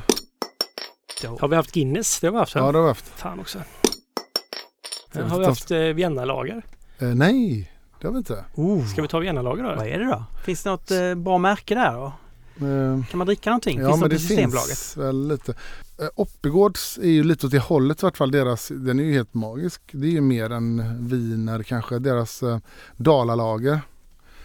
Eh, det just inte det. är riktigt det du tänker. Jag vet inte vad jag tänkte egentligen. Lager. Vad sägs om dansk pilsner? Ja det tar vi. Vi tar ett dansk pilsner gör vi. Vi hoppar dit. eh, eh, Carlsberg Hoff eller? Ja, eller dansk. eh, Jag tycker men- vi, är allmänt dansk pilsner. Ja, liksom. jag menar det. Men Ja, vad ska man, om man ska Tuborg. köpa någonting? ja, Precis, ja men Tuborg, eh. Carlsberg, köp och jämför. Är de olika? Det är jättekul Ja, åk till Köpenhamn kanske man inte kan göra nu och drick den där. Vi får väl se hur kul det blir men jag, absolut. Jajamän. Ja. Men då blir det historia om den eh, danska bryggmästaren som snodde receptet och, eh, inte receptet utan eh, Gästen. ja, gästen. Ja, I sin hatt eller vad nu Ja, musten just det. säger. Ja, men då ses vi om en månad. Mm. Eh, man kan bli Patreon. Ja, sen så ska man gå med i Svenska Ölfrämjandet också. Mm. Hej då! Hej då!